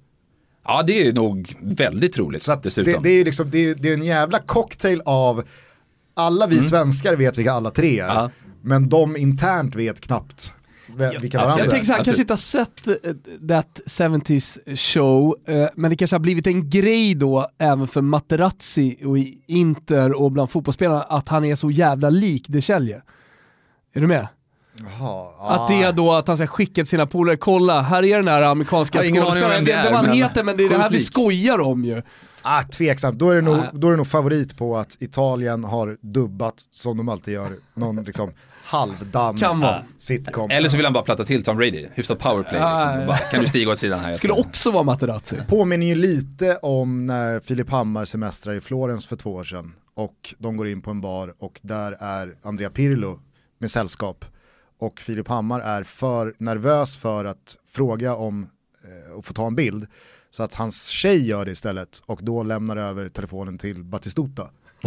kan du ta en bild på mig och Pirlo? Jag har ingen aning om att det är Batistuta som Mm. tar bilden. Och det upptäcker han Filip och bara så här, vad, är, vad Det är du Batistuta? Batistuta som tar den här bilden. Kort bara, eh, yrkesmän emellan, jag är nyfiken. På ett eh, år, ett mästerskapsår då, säger vi, hur många matcher är du på plats på att jobba med?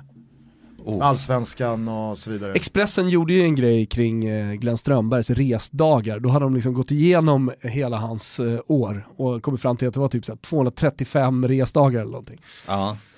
Ja, och vad svårt att uppskatta. Men mästerskapsår blir ju, alltså är det ett VM så är det ju match varje dag. Då är det ju 30 matcher på en månad. Ja. Eh, och sen är det ju allsven, alltså det som vi är på plats med radiosporten är ju allsvenskorna och landskamperna. Och du Sen- jobbar både med här eh, allsvenskan och ja, damallsvenskan. ja, och herrlandslaget och damlandslaget. Ja. Men en allsvensk omgång då? Både på herr och dam. Ja, eh, vi har ju flera eh, bra experter på radiosporten. Håkan som ni nämnde, Johanna Frisk också. Många gånger är du ju i liksom sambandscentralen, studion också. Ja, det är när vi kör, eh, när det är på den tiden då det var, fanns Champions League-fotboll Eh, till exempel. Då, då eh, sänder vi det, de matcherna liksom från, eh, från Radiohuset, Off-Tube som det då heter. Eh, men allsvenskan och sånt är alltid på plats. Eh, men det är lite, jag är inte på, i vanliga fall så är inte jag kanske utkallad på varje omgång utan ja, är den heta matchen i IFK Göteborg-Häcken så är det naturligt att Håkan såklart tar det. Eller Malmö. Som utgår ifrån Som utgår från den Göteborg. delen av landet. Ja, liksom. exakt. Men är derbyn och stora Stockholmsmatcher så är Ja men då är du det naturligt om jag tar semester. liksom. Men så mellan tummen och pekfingret, vad pratar vi? 50-60 matcher på plats per år? Ja det skulle jag tippa. Ja. Eh, är du för eller emot VAR? Eh, som grundprincip är jag väl för men utförandet här har ju varit eh, katastrof dåligt. Jag är präglad av amerikansk idrott, amerikansk fotboll där det är en naturlig del där man kan störa sig på vissa eh, saker såklart men där det, det är olika sporter men där det funkar mycket bättre. Och det gjorde att jag från början var liksom, mig kommer inte störa att man tittar på någonting. Det här, jag fattar verkligen det och jag tycker att det är en anledning till att det här funkar så dåligt nu. Det här som för många är att man jublar åt ett mål och sen så blev det inte mål och så vidare. Alla har vi vår bakgrund. Så är det i amerikansk fotboll kring touchdown. Så jag har liksom Jag har lärt mig att leva med att jag kan jubla åt någonting och sen så blev det inte touchdown för att man såg någonting och det visade sig vara rätt. Så att, Jag ja. tänker också en, en väsentlig skillnad mellan en sport som amerikansk fotboll och fotboll i form av att titta på en situation i efterhand är att NFL är så binärt, det är svart eller vitt. Ja det är inne eller nej det här är fel. Fotboll är ju väldigt mycket godtyckligt ändå. Du kan veva en straffsituation hundra gånger. Ja. Fyra pers kommer tycka att det är straff, sex pers kommer tycka att det inte är straff. Absolut, och det, det godtycket finns absolut i NFL också kring Det kring kanske det gör, saker. jag menar du att, eh, Sen är det en annan sport för den har sina pauser ändå, det har Ja. inte fotbollen, jag fattar det. Men eh, eh, jag önskar att det fanns ett sätt, och det kanske man kommer hitta, då VAR ändå funkar eh, acceptabelt bra. Eh, ja, där landar jag någonstans. Vem från fotbollsvärlden hade du helst velat dela en flaska vin med? Eh, det ska vara något sympatiskt läser jag in i den frågan ändå. Eller någon som man är nyfiken på att höra om. Alltså min, jag tog den italienska flaggan där när jag var, när jag, att det var på min, på min vägg när jag var liten. Min stora idol, från att jag var liten fram till långt fram, var ju Paolo Maldini. Så att om han är en sympatisk figur, är han det? Så skulle jag gärna, Han känns sympatisk. ja, om han då skulle tycka att det var kul att dricka en flaska vin med mig och berätta lite och prata lite så skulle ju det kännas... Nej, men han, är, han är en av de personerna som, som liksom, Känns, Alltså, inte, känns vara- inte Paolo Maldini sympatisk men inte så mycket mer? Men nu har han ju ändå varit ganska tuff och frispråkig i media eh, kring allt som händer i Milan. Alltså nu var han ju inte Bobban i sina uttalanden. Bobban gick ju ut och liksom sågade hela ledningen i Milan och sågade projektet och de, de beslut de har tagit, mycket också baserat på Ragnik, och eh, att han då skulle vara klar eh, för Milan. Som jag breakade någon gång i januari. Får hoppas att det blir så här nu, allting talar för det. Men, eh, men, men Maldini var ju inte tyst liksom, un, under det som har varit. Så att eh, han är nog både sympatisk och, och kan vara lite spetsig. Liksom. Sen skulle man ju inte vilja, ja, det innefattar ju vindrickandet, jag skulle inte sitta och intervjua honom utan man vill ju ha du vill ju bara ett, sitta... ett roligt, trevligt samtal. Mm. Ja, men jag tror nog att det skulle bli ett bra samtal. Mm. Det är min bild av Maldini som jag har fått från italiensk media. Favoritarena? Du har ju besökt en del och spelat en del. Ja, Fortaleza, tänker jag. Fan det lät så jävla bra alltså. ja, den, den var cool. Eh, arenan i Brasilia var häftig för det är nog, tillsammans med den i Valencia, eh, är den brantaste arena. Eh, stor, största, brantaste arena som jag har, fotbollsarena som jag har varit på. Så, ja men de två. Här hemma i Sverige. Um, Malmö tycker jag är bra. Mäktigaste numret du har i din telefonbok? Oj. Är det Bengt Sköld? jag tänkte också på Bengt Sköld. Ja, det, Han är ju mäktig liksom. Fan, det, det numret har jag. han, han svarade på någon tweet som jag skrev för ett tag sedan. Då vart jag nästan lite starstruck. Vad skrev han? Jag kommer inte ihåg vad, han var väldigt sympatisk. Ja. Ja. Han känns sympatisk. Vet du, vet, du, vet du vilken tweet det var? Nu kommer jag ihåg det. Du gick in och sa en gång för alla, det heter inte, om det var, alltså, alltså det Just heter det. bruschetta, inte bruschetta. Var det språk, Ah, ja, ja. språkfråga? Exakt. Ja. Eller vad det nu, du var, eh, det heter Lamborghini, Ja. inte Lamborghini. Mm. Och Ja, och det till- var ju för att slut Steffo nådde det- till Törnqvist slut hade sagt det i Nyhetsmorgon. till slut nådde- Lamborghini. till slut nådde det Bengt Schött. Och då skulle han dit och ge dig en ros. ja just det, så För att du inte tummar på uttals. Inom fotbollsvärlden mäktigaste så är det nog eh, Alexander Chefrins nummer som jag lite av misstag från Uefa alltså har. Men Det, jag, det är så att säga en top player. Ja det får man ju verkligen säga. Känns så... Vissa av de här. Uefa-presidenterna syns och hörs och de är...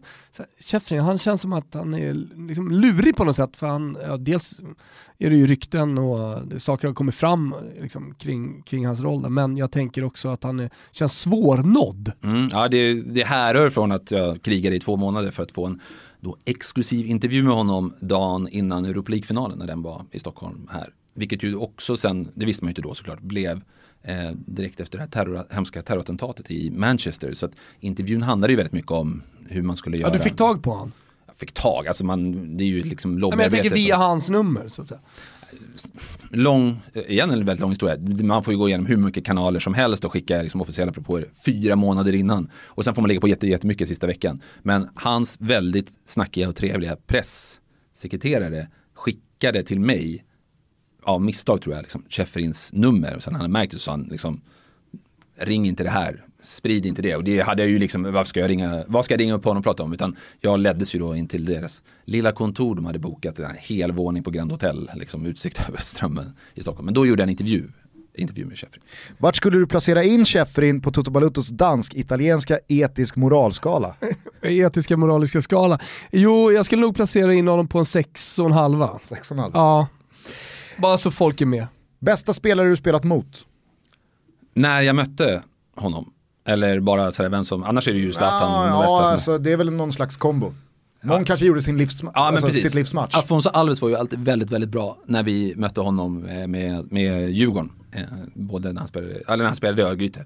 Eh, och det har man ju förstått efteråt när man liksom pratar med lite lirare som har lirat tillsammans med honom. Att ja, det var för att han hade bestämt sig för att han skulle vara bra de dagarna. Han gjorde väl hattrick tre gånger i följd mot oss. Och det var ju inte så att vi inte hade scoutat honom och vad han var bra på direkt. Men då ville han och då var han sjukt bra. Sådär. Sen är ju Zlatan liksom den bästa som jag har. Exakt, ser man till karriär så kanske Ja. det är svårt att säga något annat. Bästa spelare du spelat med? Är det Stjärten Oden eller Stefan Bergtoft? Nej, ingen av de två. Eh, Unika dock i sitt slag. Ja, verkligen. Två, två härliga typer. Äh, Den Oden, han blev väl väldigt mycket svensk höll jag på att säga. Han blev väl lite... Men där har du typ exempel på en sån som liksom från dag ett är liksom intresserad av vart man har kommit. Jag tror inte att han var liksom specialintresserad av Sverige. Men liksom, ja, vad använder ni för uttryck här? Vilka svenska fraser kan jag ta till mig? Vad, vad heter den där stadsdelen? Vad kännetecknar den? Alltså en härligt så här nyfikenhet på tillvaron och livet. Eh, liksom som jag kunde, ja men som var, som var väldigt härlig, en direkt person. Och han har ju såhär dopp och karriär har varit, eh, syns i Stockholm en hel del. Mm. Men han var nog inte den bästa jag har spelat med. Eh, ja, Kim Källström bäst karriär, Andreas Isaksson. Ja, liksom av alla målvakter man haft, liksom så här, aldrig varit med om gjort ett misstag ens, helt otroligt. Eh, när Stefan Rehn kom till Djurgården så var det en sån otrolig liksom, nivåhöjare för oss. Då var vi i superettan och så kom liksom, en superbra, superödmjuk spelare som var så mycket bättre än oss. Liksom, hade gjort så mycket mer i sin karriär. Så där. BP har ju från och till alltid varit lite av en sån här djurkyrkogård där många väldigt duktiga spelare men som kanske haft problem med skador eller man vill i alla fall Är det kvar i Stockholm. elefantkyrkogård du söker efter? Ja det är elefantkyrkogård. Ja. Djurkyrkogård, ja, ja visst, det blev fel. Jag, jag, tänk, jag tänker bara på filmen Djurkyrkogården när du säger det. Snitta Eh, hälsenan. Av alla spelare som då spelade med i BP, Mm. Som kanske var där av andra anledningar än att liksom, man är inte bättre än superettan eller liksom, botten allsvenskan, utan det egentligen finns en jävla massa klass i kropparna. V- Vem stack ut där? Du menar inte då talangerna som BP själva har tagit? Exakt, utan jag menar kanske liksom vilka nämns i de här sammanhangen? Gabbe Öskan. Eh, Ja men han kommer ju från BP, eller vad? jo, jag menar Bojan Djordjic, Ante Eriksson, alltså de typerna som gjorde ett par säsonger i BP men hade de fått vara skadefria eller hade de varit så här så kanske man hade spelat någon annanstans än i BP. All right. ja, Gabriel Öskan och Ante Eriksson är ju bra. är ju de första exemplen man tänker på då. Eh, sådär. Ja, Vad var det som hände med Ante Eriksson? Superskadefylld Ja, mycket- med mycket knän skador. och ja. Alltså jävla bra när han kom fram. och sånt fruktansvärt bra fotbollsspelare. Alltså. Ja, verkligen. Jättebra fotbollsspelare. Men ja, verkligen otur med sådana saker. Samma sak med Gabriel Öskan. Eh, annars, ja, men min tid i BP som ju var väldigt bra präglades ju av att det var en guldålder för de BP-spelare som kom upp. Liksom. Det är kanske fram, framförallt de jag tänker på. Liksom, så här, men Ekdal, Nordfeldt, eh, Albornoz, Guidetti. Såg du direkt med Albin att oj, här, det här är något annat? Ja, absolut. Gud ja. Eh, apropå spelförståelse och annat. Liksom skalle också. Men ja, det har ju präglat hans karriär, den är ju fantastisk ändå. Men det som jag var inne på med skador, liksom, det var ju verkligen från 16-17 års ålder, liksom, ofta borta, skadad, sjuk. Eh, så det är klart att man tänker då, eller jag tänkte då att så här, hoppas han liksom navigerar igenom det här. För man har ju sett många sådana spelare som, ja, man får inte rätt sida på det där. Men det har han ju inom vissa gränser i alla fall då, fått. Så att säga. Han har ju haft en fantastisk karriär. Men så Kim Källström, Andreas Isaksson och i viss mån i form av liksom, nivåhöjande Stefan Rehn när han anslöt. Ja, absolut. Sen, ja, Albin Ekdal, Mikko Albornoz är ju, det finns ju väldigt mycket som är tråkigt att tänka på. Så han har liksom nästan lämnat svensk fotboll, liksom, rent sådär. Och det finns anledningar till det. Men som fotbollsspelare, när han kom upp som ung i BP och sen även till Malmö. och- ja, men, han har vunnit Copa America med Chile, liksom. det, är, det är otroligt att en spelare fostrad i Sverige har nått den nivån och så är det bortglömt. Men det finns, finns goda anledningar till att han liksom inte, inte är så aktuell i Sverige. Finns det något specifikt i din karriär som du ångrar eller som du fortfarande grämer dig över? Ja, en massa. Jag har svårt för, folk får tycka vad, de, vad hur de vill. Jag har lite svårt för den här, ni vet Nietzsches liksom, amor fati. Att allting som sker, sker av, av godo. Jag tycker inte det. Jag har liksom gjort misstag, borde man gjort så här. Nu menar jag liksom i det lilla till, till stort också. Eh, jag tycker att i vissa fall är det nog bara liksom ett, ett skydd för att man inte vill prata så mycket kanske om det. Här. Men jag tycker att det är konstigt om man har haft en fotbollskarriär eller vilken, vilket liv som helst. Men om vi ska ta fotbollskarriären, om du säger att liksom, det finns ingenting jag ångrar. Jag borde, eh, det är liksom allting som har skett har skett Det där tangerar tycker jag nästan lite så här. det är jävligt lätt att säga så om man säger det på en bra plats i livet. Ja. Alltså att det blev bra. Att, oh, men jag ångrar ingenting för att allt ledde fram till det här Mm. Och idag mår jag bra eller det blev bra till slut. Ja, då är det väl lätt att säga. Det är som de som har massa cash och säger att pengar är inte det viktiga. Ja, fast det är inte så jävla många som inte har en enda spänn som säger pengar är inte så viktiga. Nej, nej, gud nej. Alltså det är ju väldigt mycket, vet du att det där misstaget eller det där beslutet ledde till det här och idag så mår jag inte bra av det. Nej. nej, men då så Då kan man man också... inte och tänker nej, att fan man kan, allt blev till det bästa. Man kan ju också landa i att man mår väldigt bra eller har det väldigt bra. Men det är ju inte samma sak som att ja, Nietzsches devis är ju då att allting du har gjort på vägen till att sitta och ha liksom en, en härlig familj, Sveriges största fotbollspodcast, 400 avsnitt och så vidare. Lyckat in, inför sig själv då menar jag, att man mår bra. Det är ju inte samma sak som att allting man har gjort är av godo, att det nödvändigtvis har lett till att man är här. Och jag tycker att, jag förstår att fotbollsspelare, liksom, när man får en intervjumikrofon, inte lägger sig på terapisoffan och går igenom allting sådär. Men jag tycker att liksom, i ett ärligt samtal så tror jag ändå att om man är en reflekterande människa så är det klart att allting man har gjort inte varit bra. Jag borde ha gjort på det här sättet istället. Och det kan ju vara återigen allt från att jag borde inte ha passat till den där utan jag borde ha varit en bättre lagkamrat till den där kompisen. Jag såg att han mådde dåligt, att han hade problem där. Varför var inte jag liksom mer välkomnande eller ja, jag med min position kunde inte jag ha bara frågat några gånger hur är det att komma till Sverige? Hur har du haft det här? Har du någon att vara med på kvällen? Alltså det där är ju inga stora grejer, men förstår vad jag menar? Eh, jag borde ha gått den här klubben, jag skulle släppt prestigen och att jag måste ta en plats i det här laget. Gått hit istället, då hade jag kanske fått den här utvecklingen. Det kan man ju inte veta, men jag tycker det blir väldigt konstigt att säga så här, nej nej nej, ångrar ingenting.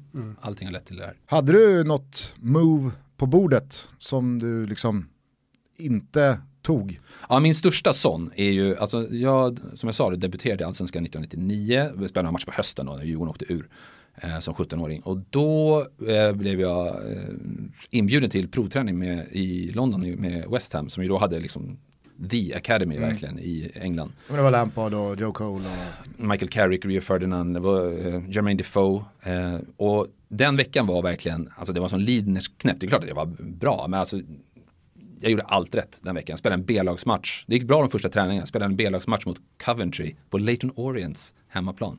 Och ni vet, man har den kvällen en gång i livet. Ochoa. Du vet, jag sparkade, skulle sparka bort bollen i panik. Blev en perfekt crossboll till anfallaren Paul Kitson som gör mål. Alltså det var verkligen, du vet, man kände på kvällen sen, eller ja, efter matchen då, att liksom, de måste ju tycka att jag är den största mittbackstalangen i hela Europa. För det var jag i den matchen, men inte annars.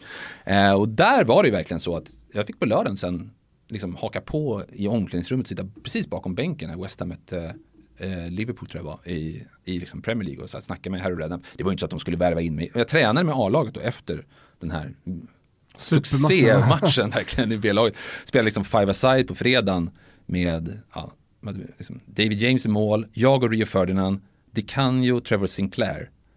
Så var det kanske en till då. Alltså, ni, ni fattar nivåhöjningen det var. Och det gick bra. Alltså det är inte svårt att spela med de lirarna i och för sig. Alltså Ferdinand var ju sjukt vad bra han var. Men det gick jättebra. Så att jag förstår att de liksom ville värva mig. Eh, baserat på den veckan. Mm. Eh, men då står man ju verkligen, jag var 17 år liksom, gick gymnasiet och allt sånt där. Då står man inför ett vägval. Det var inte så att jag skulle liksom in i West Hams A-lag, utan det skulle ju vara ett men ja. du fick möjligheten om du hade velat? Ja, då hade jag flyttat dit och blivit ungdomsproffs, ja. man ska kalla det. Och det är klart att om man ska ta det här liksom, ångrar du ingenting? Men jag Lite sliding doors. Ja, liksom. Jag valde att stanna i Djurgården då. Det blev ju kanon. Jag har liksom vunnit SM-guld med min moderförening. Ja, mm. haft allt man har nu. Men det är klart, hade jag blivit, hade jag stannat kvar där eller ja, skrivit på och flyttat dit. Så, ja, kanske. Knows. Who knows? Men eh, ja, det, är ju ingenting, det är ju ingenting som grämer mig. Men jag tycker man gör det enkelt för sig. Det var tur att jag inte tog det. Liksom. Utan, det hade kanske blivit kanon. Men det har också kunnat bli pannkaka. Om du inte får svara Cristiano Ronaldo eller Leo Messi, vem tycker du är världens bästa fotbollsspelare? Är vi på här sidan igen då? Vi är ofta på här sidan mm. i den här podden. Men man får såklart svara uh, vilket kön man vill. Ja. ja, men då på här sidan så skulle jag väl nog ändå säga, nu har jag inte spelat mycket fotboll. Det är väl Mbappé eller De Bruyne tror jag att jag tar ändå. Eh, Pernilla Harder på damsidan. Som definitivt, alltså en av världens mest underskattade mm. fotbollsspelare. Helt otroligt att hon liksom inte har en, det är väl för att Danmark inte är kanonbra, men liksom, det skär mig varenda gång. Eftersom Ada Hegerberg vann då den här första mm. Ballon d'Or, eh, som alltid är så otroligt fransk fluktuerat liksom. Eh, och med allt. Var det då han DJn frågade ah, om hon exakt. kunde twerka? Så det blev ju så mycket brouhaha kring ah. det där och det fattar man ju. Men där kan man ju störa sig på att bland de inte så fotbollsintresserade, eller när det bara ska i allmän text här. Ada Hegerberg som ju vann världens bästa fotbollsspelare, sånt, så är det, liksom, det skär i mig. För Ada Hegerberg är ju otrolig, men det året särskilt så var ju Pernilla Harder henne helt överlägsen verkligen. Så att, eh, det, jag Harderberg, hon är skadad nu va? Ja, skadad. precis. Hon är mm. skadad. Eh, det finns ju en superstjärna i Danmark som åker privatjet eh, med Nike och så vidare. Vad heter hon i PSG? Nadja Nadim. Nadja Nadim. Hon är, hon, hon är verkligen en superstjärna och i Danmark måste hon vara hur stor som helst. Ja, hon, det är ju hon, hon Alltså det finns ju en, det har ni säkert koll på det, storyn från där. Afghanistan. Flykting från Afghanistan, ja. utbildad läkare eh, och spelare på hög nivå. Men hon är inte i närheten, alltså, tycker jag, det tycker nog ingen, det tycker nog inte Nadja Lim heller, eh, rent fotbollsmässigt, eh, som Pernilla Harder. Kommer en, eh, kommer en dokumentärfilm, eh, eller eh, baserad på en bok va? Eh, Om henne? Nadja, ja det visste jag inte, men ja, det kan, jag, jag, ja, jag ser, ser potentialen i en story här. Men eh, härligt då, det var en lång och eh, utsvävande faktaruta som jag tycker fick bygga ett väldigt eh, fint samtal och avsnitt. Innan vi rundar av, för vi har varit igång ett tag, hur ser du på framtiden rent jobbmässigt? Är det liksom Sveriges Radio och Radiosporten i många, många år framöver? Vill du tillbaka till tv? Vill du kanske tillbaka till fotbollen? Sportsligt? Har du några sådana ambitioner? Vem vet? Jag har inga ambitioner att komma tillbaka till fotbollen sportsligt. Inga tränardrömmar Nej. eller? Eh? Nej, det har jag inte alls. Eh, jag kommer, jag gör ju jobbet som liksom fotbollsexpert och fotbollsjournalist till 100%. Det som jag är intresserad av och brinner allt mer för, därför känns det kul också att, träffa er och liksom komma här och snacka. Jag, efter tio år på Sveriges Radio, liksom, radioproduktion är liksom, det brinner jag för också om radio inkluderar liksom poddmakande och annat. Det är, mm, vem vet vad, vad framtiden ger. Men jag tror att om 10-15 år kanske så ser jag mig själv kanske, eller kanske kortare än så, liksom jobba med sånt. Och det behöver nödvändigtvis, absolut inte nödvändigtvis vara sport i så fall. Och i så fall hänga mig åt det. Jag känner ju redan hur jag liksom dras Nej, åt det hållet. De som leder utvecklingen av poddmakandet är ju trots allt jänkarna. Och, mm. och NFL, men du, du pratade om innan här, du lyssnar på väldigt mycket podcasts mm. och, och, inte bara svenska podcasts. Mm. så att jag misstänker att du har en del idéer mm. Uh, utifrån att ha, att ha lyssnat på de som gör, de som leder utvecklingen. Ja absolut, alltså, det blir ju enkelt såklart i USA, jag är intresserad av sporterna men det engelskspråkiga liksom, kolla på vad, vad The Ringer gör. Mm. Eh, liksom, som Såldes till Spotify för en miljard. Ja, av en anledning. Ja. Liksom. Det började ju som en podcast och nu liksom är det ju som olika grenar då för, för olika sporter. Eh, och, ja, otroligt vassa på, liksom med amerikanens utförsgåva också så blir det kanske lite mer tacksamt. Men man har ju ändå när man har de här två tränarna, alltså Pete Carroll som är NFL-tränare för Seattle Seahawks, Steve Kerr som ju många har sett nu i The Last Dance, alltså Golden State Warriors tränare, de två liksom två högprofilerade tränare, de, där har ju The Ringer då startat en, en podd där de snackar och då kan man ju tänka så här, hade det varit i Sverige så hade det blivit en tråkig podcast om ledarskap. Mm. Bara liksom. Vad är dina ledarskapsstrategier? De är ju, alltså det snacket de har och de tar upp exempel på när det blivit fel och spelare de har mött. Och nu stängde de in då Greg Popovich, tränaren i San Antonio Spurs, liksom för att prata om ja, det som alla pratar om i USA just nu. Liksom, mm. Eh, hur man behandlar människor olika efter hudfärg och så vidare enormt imponerad liksom, av det jobbet. Och det blir man inspirerad av när man jobbar med att göra, det gör ju ni också, mm. vad ska vi kalla det, radiopodd mm. eller så. När jag hör de här namnen i det format du pratar om, jag vet ju vilka de här är eh, och jag vet vilket jävla munläder de här amerikanska basketcoacherna sitter inne på. Så tänker jag osökt på att jag bara för några dagar sedan gav eh, coach meet coach med Jörgen Lennartsson chansen när han eh, inte riktigt samma tryck i liksom det, det verbala initialt där. Då är ändå Lennartsson Ja men och då ska jag säga, jag lyssnade på det här avsnittet för att per, per Johansson gästade, eh, en av de absolut eh, härligaste människor jag någonsin eh, korsat mina vägar med. Eh, legendarisk handbollstränare eh, på den yttersta nivån.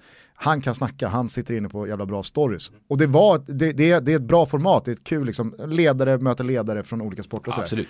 Men jag tänker bara på så Greg och... Ja, visst. man ska ju liksom inte sitta i någon elfenbenstorn heller och säga, det är ju, mycket av det är ju liksom Ja, det vet ju ni, jag liksom pratar mer till lyssnarna än till er två. Liksom att, mm. liksom, även poddmakande, det är liksom, man producerar, man utvärderar, man kollar vad som funkar.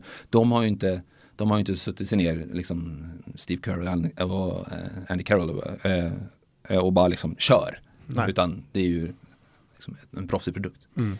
Så är det, Thomas om inte du eh, har någonting mer på hjärtat eh, och ställa någon fråga till Rickard. Det är som så... alltid när man har ett samtal, det dyker upp frågor längs vägen så kan man liksom inte trycka in dem och sen så glömmer man bort dem.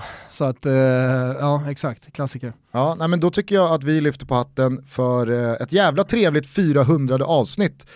Eh, och säg stort tack till Rickard Henriksson. Ja, tack själva, det var jättekul att vara med. Jag vi... tänker, ska du, ska du gå ut på kompi, kompis, kompis från förr, kompisar från förr? Du sa nämligen uh, orden eh, tidigare. Då under hela samtalet har jag haft eh, låten i bakhuvudet med The Latin Kings.